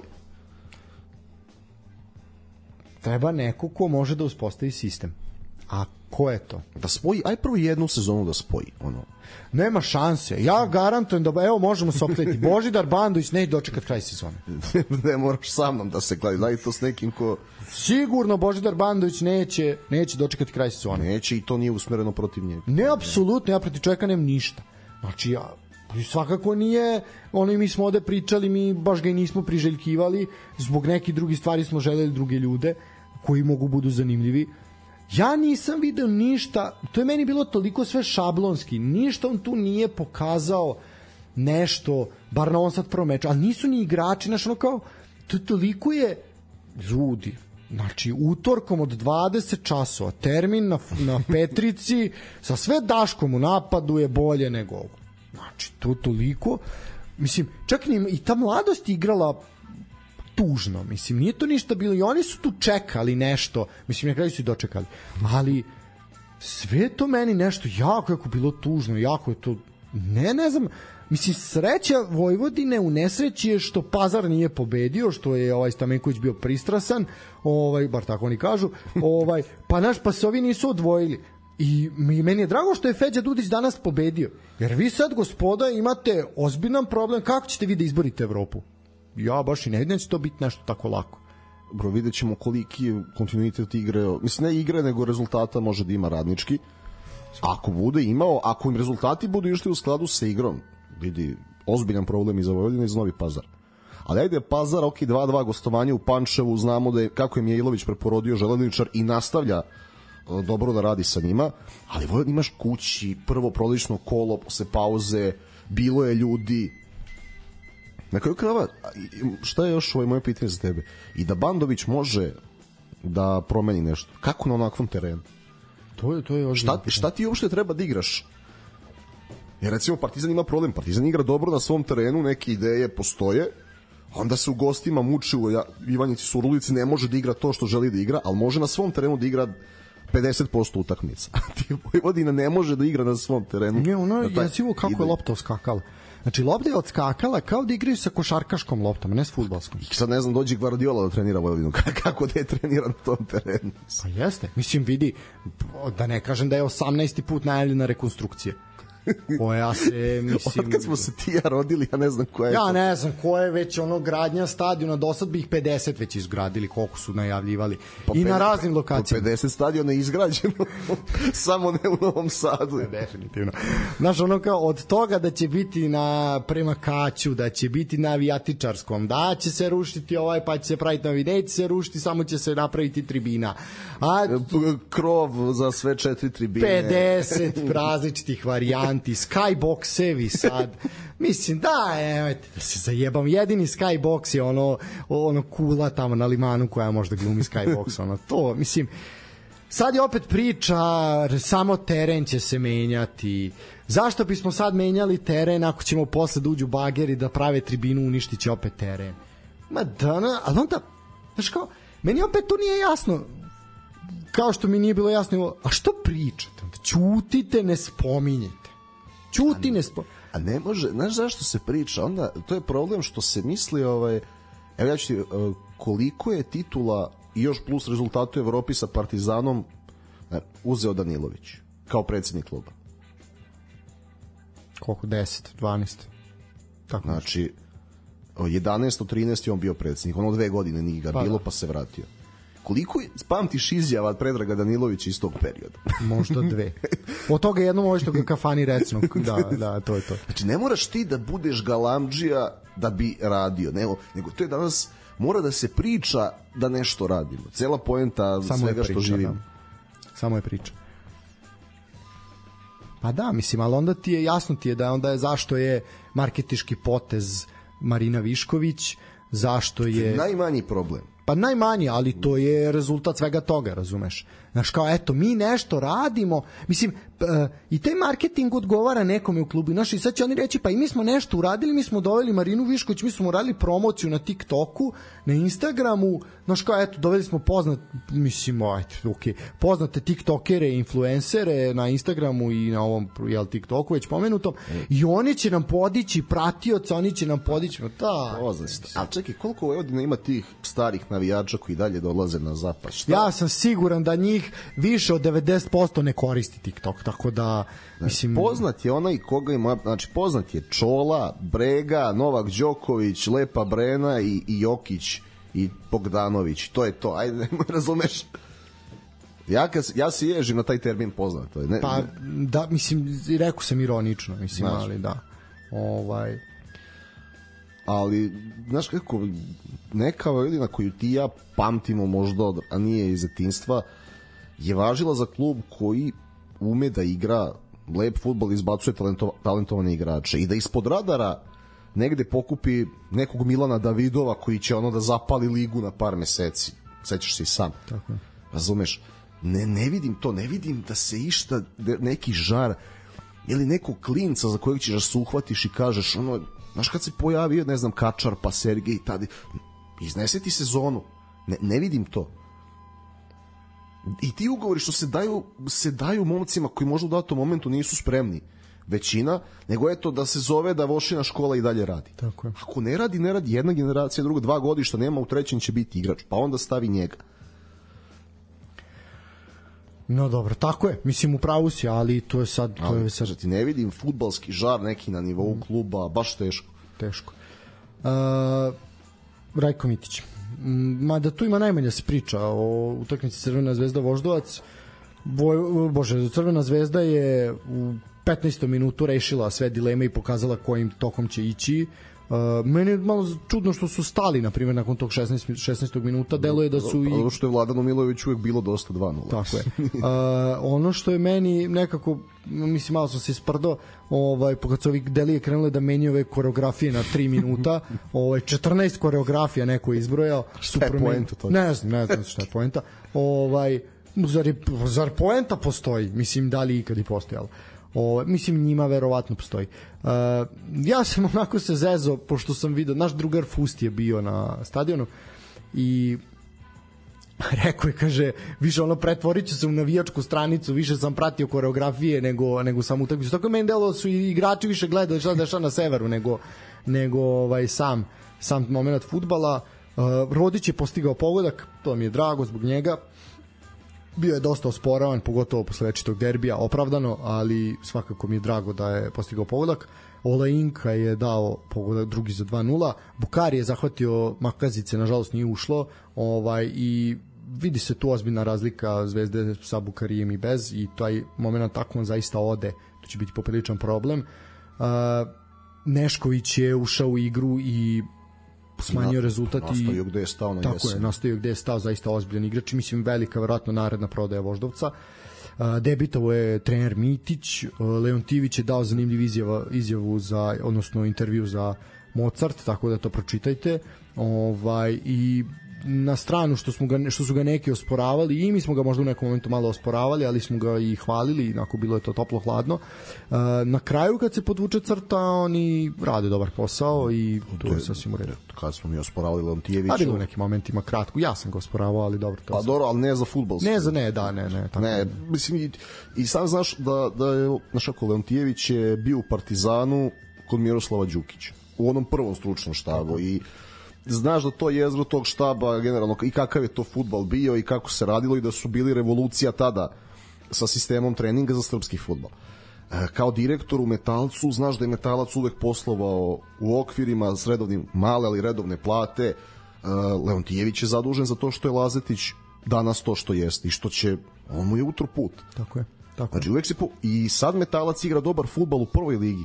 Nema veze koji su na tabeli, nema se sad novca, kad se boje novca možda će opet biti Superliga, ali je poenta da se nešto radi i sada u Voždovcu se uvek, opet posluju u okvirima. Kad bi bilo više Leontijevića da se bave futbalom i futbal bi bio bolji. Voždovac opet, ja sam mislio da će biti ovaj ubedljivija pobeda, I ja sam to očekivao, da. ali nije Voždovac bio loš. Bez obzira na odlazak trenera nakon priprema, što je Mitić bačen u vatru, što su otišli Zečević i Burmaz.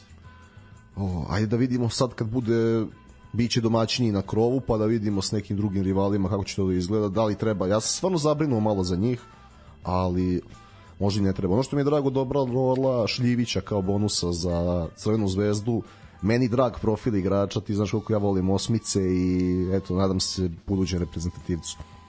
Gaylor Kanga ima odličan meč, to ovaj treba isto treba reći, on je bio po ocenama specijalizovanih sajtova bio je najbolji pojedinac ovog meča. Ovaj i zaista imao dobru dobru rolu i to treba svakako svakako. Ja stvarno mislim pričali smo o Kangi kritikovali ga, ali njemu stvarno kad je, kada mu je dan i kada mu može da drži fokus 90 minuta, to stvarno lepo izgleda. Tako je. Mislim, pored njega tu svakako i Bukari je bio odličan, Rodić takođe, ili kao i strelac gola, a sa druge strane svakako Mihajlo Nešković, Bogdan Jočić, uh, Miljan Krpić, znači to su sve momci koji će, ja verujem, i biti u ovoj polusezoni onako naj, nešto najbolje što Voždovac može da, Voždovac može da pruži. Uh, svakako od Voždovca očekujemo da nastave gde su stali, znali su oni, znali su oni da prodaju nosioce igre i sve i prethodnih godina pa su nastavljali i nisu razočaravali tako da verujem u taj sistem koji tamo postoji. Znamo da će igrati dobar fudbal, da će tako biti je. gledljivi. Sad tako je. rezultati idu gore dole, ali sa tim resursima tako mora. Tako je. Uh, Feđa Dudić, duel dva radnička, Feđa Dudić i Nikola Trajković, kakva utakmica? Očekivali smo, najavili i pogodili. Tako je, Gogo 3 plus lagano došlo, ovaj došlo i više. Boga mi, malo je falilo da Kragujevčani prokockaju, malo je falilo, ali... Pa mi smo i o Trajkoviću pričali, to je ono kad, kad gledaš utakmicu, pa, a ne samo rezultat. I Trajkovićeve ekipe imaju karakter. Boga mi, mislim do duše. Favorit je pobedio. Favorit je pobedio, ali... kasno su se upalili, kasno su se upalili. Ne, Feđa uraganski počinje utakmicu, to, mislim, to znamo iz Zveleža još. Tako je.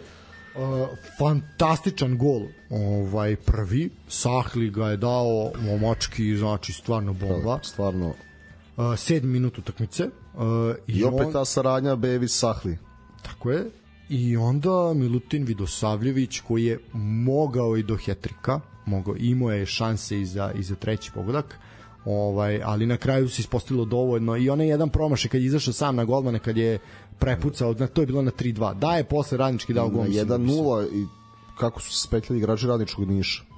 On samo da bude pas unutra čovek zalama fali samopouzdanje ali se vidi da se nešto radi sad. Tako je. Uh, iskreno u negde taj moment opstanka sa Trajkovićem je meni realniji nego sa Slavoljubom Đorđevićem. Jeste. I tu mislim da ići će se ka tome sad koliko se može i to ćemo videti. Pa, ali... Ako malo srede teren da mogu da igraju da to, lično, to što Trajković da. želi i da ga sačuvaju da radi još jedan prelazni rok, mogu oni već sledeće godine da se razmišlja ponovo o play-offu gde je radničkom i mesto i da se za isti bori. A, što se tiče Kragujevčana, uspešno su se revanširali uh, za poraz iz prvog dela sezone kada su izgubili na Čajeru 3-2 i u sledećem kolu ovaj idu sad ću ti reći ali lepa poseta. Lepa poseta da. Da u sledećem kolu će ugostiti Vojvodinu. Takođe ekipi koje koje koji su izgubili u prvom delu sezone. Ako krenu da tako nadoknađuju bodove ovaj realna zaista realna ozbiljna borba za Evropu. Pazi ovo je radnička Vojvodina utakmica od 6 bodova tako je i za jedne i za drugi i za drugi tako je a, dobra poseta s obzirom da je opet 13 časova uh, i dobar tele, teren, solidan teren, bolji teren u Kragujevcu nego u Novom Sadu. I to je ono što mene malo bolji, zabrinjava. Bolji teren u Kragujevcu na jesen. Znači nešto su radili. I to je istina svakako. Ali to je opet, znaš, e, zato je, e, znaš, nekad mi ljudi kažu i privatno je slušalica da se možda mnogo bavim trenerima. Ali, znaš kako, igrača je 20 i kusur, 30 članova uprave koliko hoćeš, navijače mali milion, ali šef struke je u datom momentu jedan. A neretko taj jedan je pravi generator energije. Ja verujem da je Feđa insistirao, pričao on o tome uh, jesenas, znači kad imaš trenera koji zna šta hoće, koji ima sistem igre, ok ljudi, mi igramo ovo, ali treba mi još bolji teren. Znaš, možda neko drugi ne, se ne bi izborio. Kao što, kako Sigur Duljaj izborio za 15 pojačanja u dva prelazna roka, a drugi treneri nisu. Šta je, nije Igor Duljaj ovaj, italijanski, ucenjivač italijanske mafije, znaš. Ali dođeš, kažeš javno, treba mi to, to, to i to, dobiješ i onda ti isporučiš na terenu. I onda opet dobiješ u januaru ono što ti treba. A, treba reći da m, bilo bi nepošteno da ne kažemo i strelce za Niš, pošto smo rekli za Kragujevac. A, Bamidele u 73. za 3-1 i Cvetković, Stefan Cvetković 3-2. A, zaista, eto, odlična utakmica i onako u 85 minuta ga je pao taj gol za 3-2 i sam komentator Arene Sport je rekao, e sad imamo dramu i zaista je, zaista je tako i. Mogli su i to treba da ih raduje to drugo polovreme zbog onoga što dolazi. Zna, zna se kakve je tenzije u Nišu, mislim da ovaj jedan meč ne, u gostima ne treba da ih da ih poremeti. Mislim i da neće. Mislim da je ovo pokazatelj ok, možemo, e sad ćemo se tući protiv ekipa protiv kojih mislim da Kragujevac nije ekipa gde su oni na osnovu svega pokazanog mogli da uzmu bodove. Uh, uzeli su u tom prvom delu šampionata kad je to sve bilo klimavo ovaj u Kragujevcu sad kako je to Feđa posložio boga mi će to biti biti problem u Nišu stvarno sad ne znam raspored ali u Nišu ekipe iz play-outa ne smeju da se vraćaju ni sa vodom. Kuži. E, tako je, ako želite da ostanete, tako je. Uh, ono što treba reći, utakmica posljednja današnjeg programa od 15 časova na krovu tržnog centra, uh, IMT TSC, uh, dobra borbena utakmica, zaista je bilo dosta onako i tenzije na terenu poprilično i dosta su burno reagovali igrači IMT na skoro svaku sudijsku odluku. Pa i, i TSC na penal. I TSC, tako je. A, međutim, IMT nije iskoristio penal. Ovaj, ostalo je 0-0. Veljko Ilić ne mora da ga odbrani, ovaj, ali Da, mislim i Ne, sad je po, postoje stvarno ima sjajan skor u penalima. Iako je Luković promašio ceo gol, ali znaš ono, ne šutiraš isto penal, ne znam, protiv Alisona i ovog golmana Lutona. Tako, tako je. Stvarno se etablirao kao penalđija i videlo se kad Luković koji je davao golove iz penala rutinski jesenas, videlo se kad je prilazio lopti da, da to nije to. Možda i neko drugi trebalo da šutira, ali on, što, dobio sam poruku baš ka, nije trebalo onda šutira jer se već prodao, kao daj neku drugu. pa da, ovaj, mislim, Uh, bio je on dosta pod tenzijom i dosta je on tamo ovaj skakao i na sudiju i bio ima jedan baš nasrtaj na sudiju gde je ovaj odmah izvuku žuti karton rekao alo dečko ovaj smiri se. I mislim da do, vidi se da nije bio po meni nekako glavom nije bio prisutan u toj utakmici. Možda je stvarno treba neko drugi da neko drugi da šutira no dobro o, kasnije TSC odnosno Bence Šoš je pokazao kako se penal šutira. Ovaj I to je eto zamolio je da šutira dozvoljeno mu je da postigne prvi gol i, i to zajedništvo TSC-a koliko su igrači bili srećni zbog njega. Znači pričamo o nekom 15. 16. članu rotacije. Tako je, tako je, tako je. Uh, pre toga treba reći gol Pantovića koji je dosta nespretno zahvatio loptu i okej, okay, poslao je on nju i sve. Pitanje je da je, mislim da je zahvatio onako kako je teo, mislim da bi i, i pogodio svakako, ali je imao i dosta sreće i stvarno to nije bilo estetski ovaj nešto, mislim videlo se da je onako zakačila ga je, ali dobro poslao je, prosledio loptu i to je najbitnije ovaj jednostavno ali uticaj Saša Jovanovića po ulasku kao i Taki Nikolić ne neverovatno stvarno to su ti igrači koji ono zaista prave ogromnu ogromnu razliku svojim kvalitetom i taj momenat ima. Koliko ta, na šta povratna lopta, koliko fali našim i krilima i bekovima, način na koji je Saša asistira. Znači, čovjek koji jednostavne stvari radi tako dobro. Znači, taj, tajming, kretnje u dubinu, povratna lopta i naravno, naravno znamo da je Saša i solidan realizator ovaj, što je pokazivao kroz godine. Tako da i ono što moram stvarno pohvalim, ok, te, o terenu smo pričali, tehnički sjajna utakmica za Tako nivo je. srpskog futbala. Tako je. Obe ekipe su stvarno nadigravale, imali ideje kako do gola, kako braniti, kako iznaditi protivnika, da ne idemo sada u neke detalje, nemamo ni vremena, ali zaista Jandrić i Lazatić su primer kako se radi i želim im što teško će me ih zadržati u našem futbolu, ali im želim da ostanu. Pa svakako, mislim, to je nešto realno što smo i očekivali od, od ovakve utakmice, ovaj, od ova dva kluba, ovaj, nešto što očekujemo tokom cele sezone od njih dvojice i nisu nas razočarali i meni je drago zbog toga i ono zaista zato smo i gledali taj IMT a i to se to svakako sa oduševljenjem jer jednostavno znaš, to je nešto što ima, to je, ona, to je ona dobra i pozitivna strana svega ovoga što zaista ima nešto kvalitetno. a to jeste ove sezone svakako IMT i TSC. Pored svih ostalih, naravno, koji jesu i spadaju u tu grupu. Ne, i meni se zapravo šta se meni sviđa, eto pričali smo o Vojvodini i terenu šta se može i kako igrati, ali je poenta da tamo gde gde postoji teren se vidi da koliko je našim trenerima svih ovih godina teško bilo da rade. Znači sada kad su neki klubovi popravili terene, kako izgledaju te utakmice na krovu gde igraju dve ekipe u Topoli, u Pančevu. Pazi, u Pančevu vidi utakmica sa mnogo ovaj, tehnički zadovoljavajućih elemenata. Tako je. I od strane oba tima. Tako da, i naravno, znači Zvezda, Voždovac, Pazar, Železničar i IMT, TSC. I onda vidiš zapravo šta je potrebno. To je, e, što kaže Dulje, stvarno elementarni uslovi za, za odigravanje utakmice. Pa tako je, mislim mi videli smo kako svaka ekipa zna da igra kad dođe na Partizanov stadion, kako zna svaka kad dođe na TSC arenu. Svi znaju da jedan put da pokažu nešto što ju kao, no šta, iznenadili su. Pa koliko je testnih pobeda bili na Zvezdinom stadionu uzimanje bodova. I to sve iz, znači, tehničkih elemenata, nije da su nabijali loptu, znači, davali su golove neki iz zadnje linije, neki iz kontrnapada, sve po zemlji. Tako je. Uh, u suštini ovi možemo završiti ovaj to je to. priču. Da, ići ćemo, preći ćemo tabelu, da se podsjetimo malo ko je gde. Sutra još imamo napredak i Spartak, malo neugodan termin, ali... O, svakako vredi, vredi ispratiti. Hvala, lepo, kako? Tako je. E sad, samo da dođemo do tabele. Uh, u suštini znači 20. kolo je odigrano, sutra kao što Nikola rekao imamo tu utakmicu koja je na raspredu ponedeljak, imaćemo i u narednom kolu jednu u ponedeljak isto nepopularnom terminu. Što se tiče tabele, Partizan je, kao što smo rekli, ostao prvi sa 50 bodova, Crvena zvezda druga sa 49 i to je svakako a, trka koju želimo da gledamo što dalje do, jel, što duže ovaj Ajmo, moje sezone. pitanje, da li očekuješ nečiji kiks do derbija? Mm, vrlo moguće.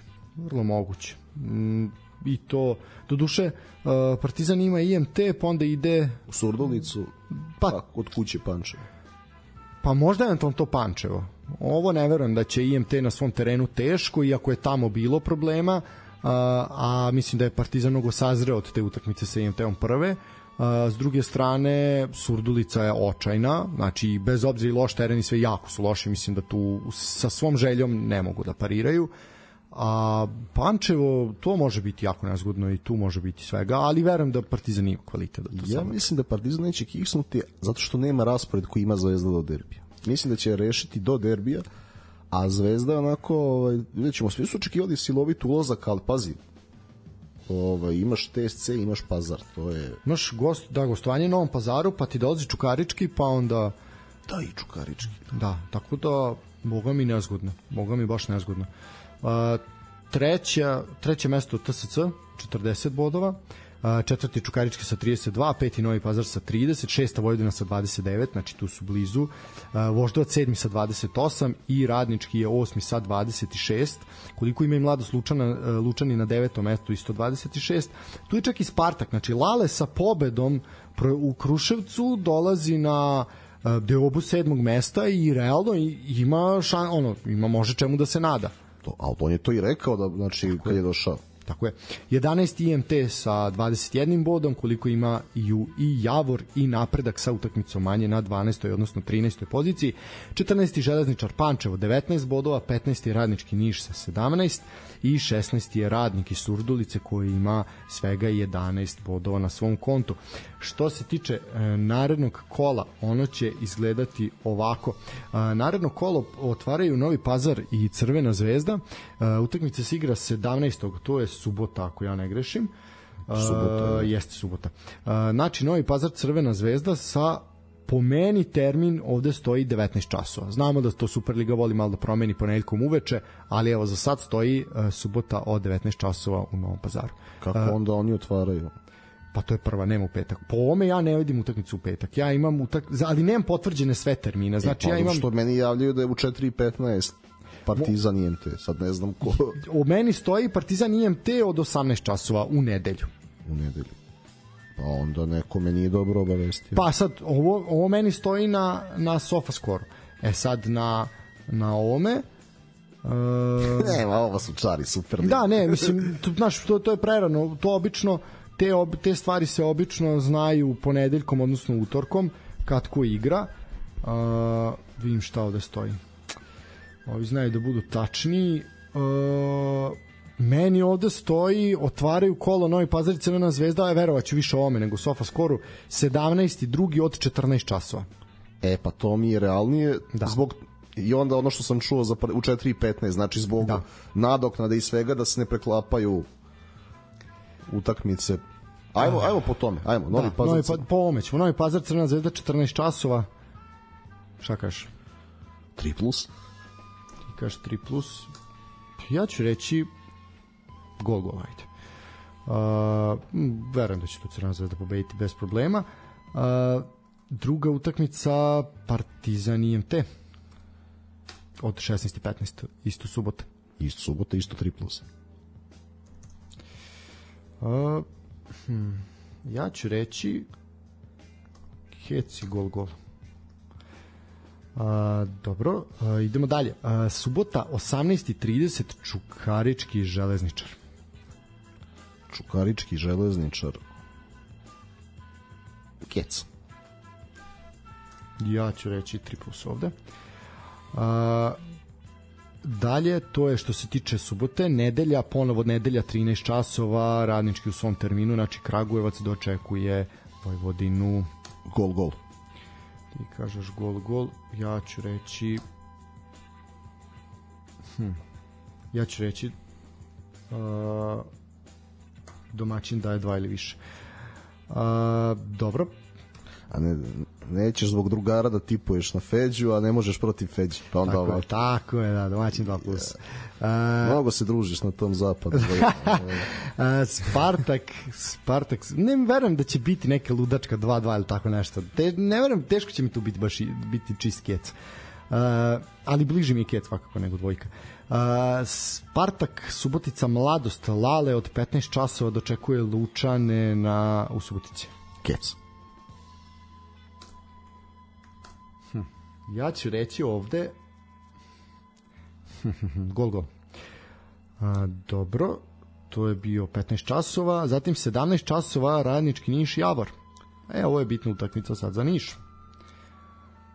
Ma i za Javor. Ma, pa, od šest bodova za oba tima dajemo prednost Nikoli Trajkoviću. Kec. Kec. Ja ću reći ja ću reći mm, ja ću reći pada više u drugom.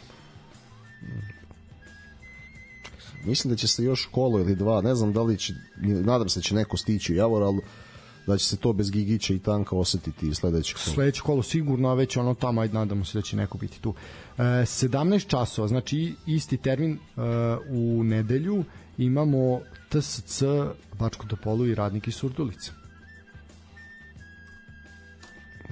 Pa to mi je ono, to je Kec i domaćin daje dva ili više. Znači 2 plus. Ja ću reći iz keca u kec nek stoji iz keca u kec, ajde. Uh, i u ponedeljak od 17 časova Voždovac napredak, znači još jedna utakmica napretka u ponedeljak. E, sad će, da ne, ne krenu oni da se žale kao što su neki žalili na petak sad e, Voždovac napredak Mhm, mhm. 2 do 4 4. Ja ću Voždovac napredak. Hmm.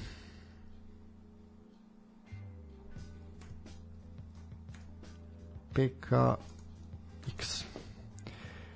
PKX, polovreme ili kraj nerešeno. To bi bilo to što se tiče 21. kola i prognoze. Uh, mi se najverovatnije čujemo u naredni ponedeljak, a ako bude baš nekih vanrednih i izvanrednih situacija, svakako ćemo blagovremeno obavestiti. Bićemo, nadam se, tu u punom sastavu, ostali smo vam dužni aforizme.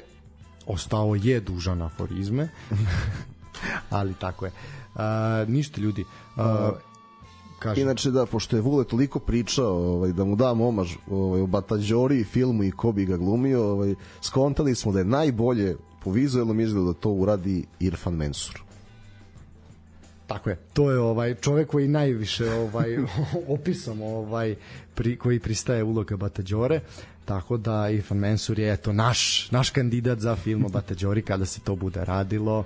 A treba reći da je film o Duletu Saviću nakon šest dana povučen iz bioskopa. Pitam se Pitamo zašto. se zašto. A, ljudi, hvala na slušanju, hvala na podršci, PayPal i Patreon i dinarski račun Erste banci sportskog pozdrava, platite nam neki dinar. Hvala onima koji redovno uplaćuju, hvala našem dragom Darku koji eto se javio u prošloj emisiji da je živ zdrav.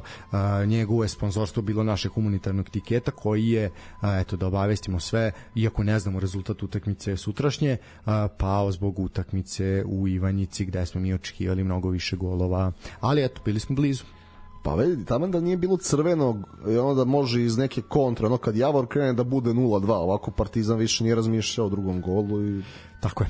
Tako da, eto, tu, to je, takva je situacija bila. Vi isto možete biti dobri kao naš drug Darko i platite nam neki dinar, a mi ćemo to znati da pravilno, pravilno iskoristimo. Uh, ljudi, hvala vam na slušanju. Do nekog narednog slušanja. Hvala svima na porukama, što na stranici, što ovako privatno sam dosta dobio i drago mi da ste nas uželeli.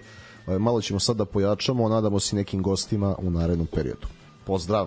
Tako je, prijatno, laku noć!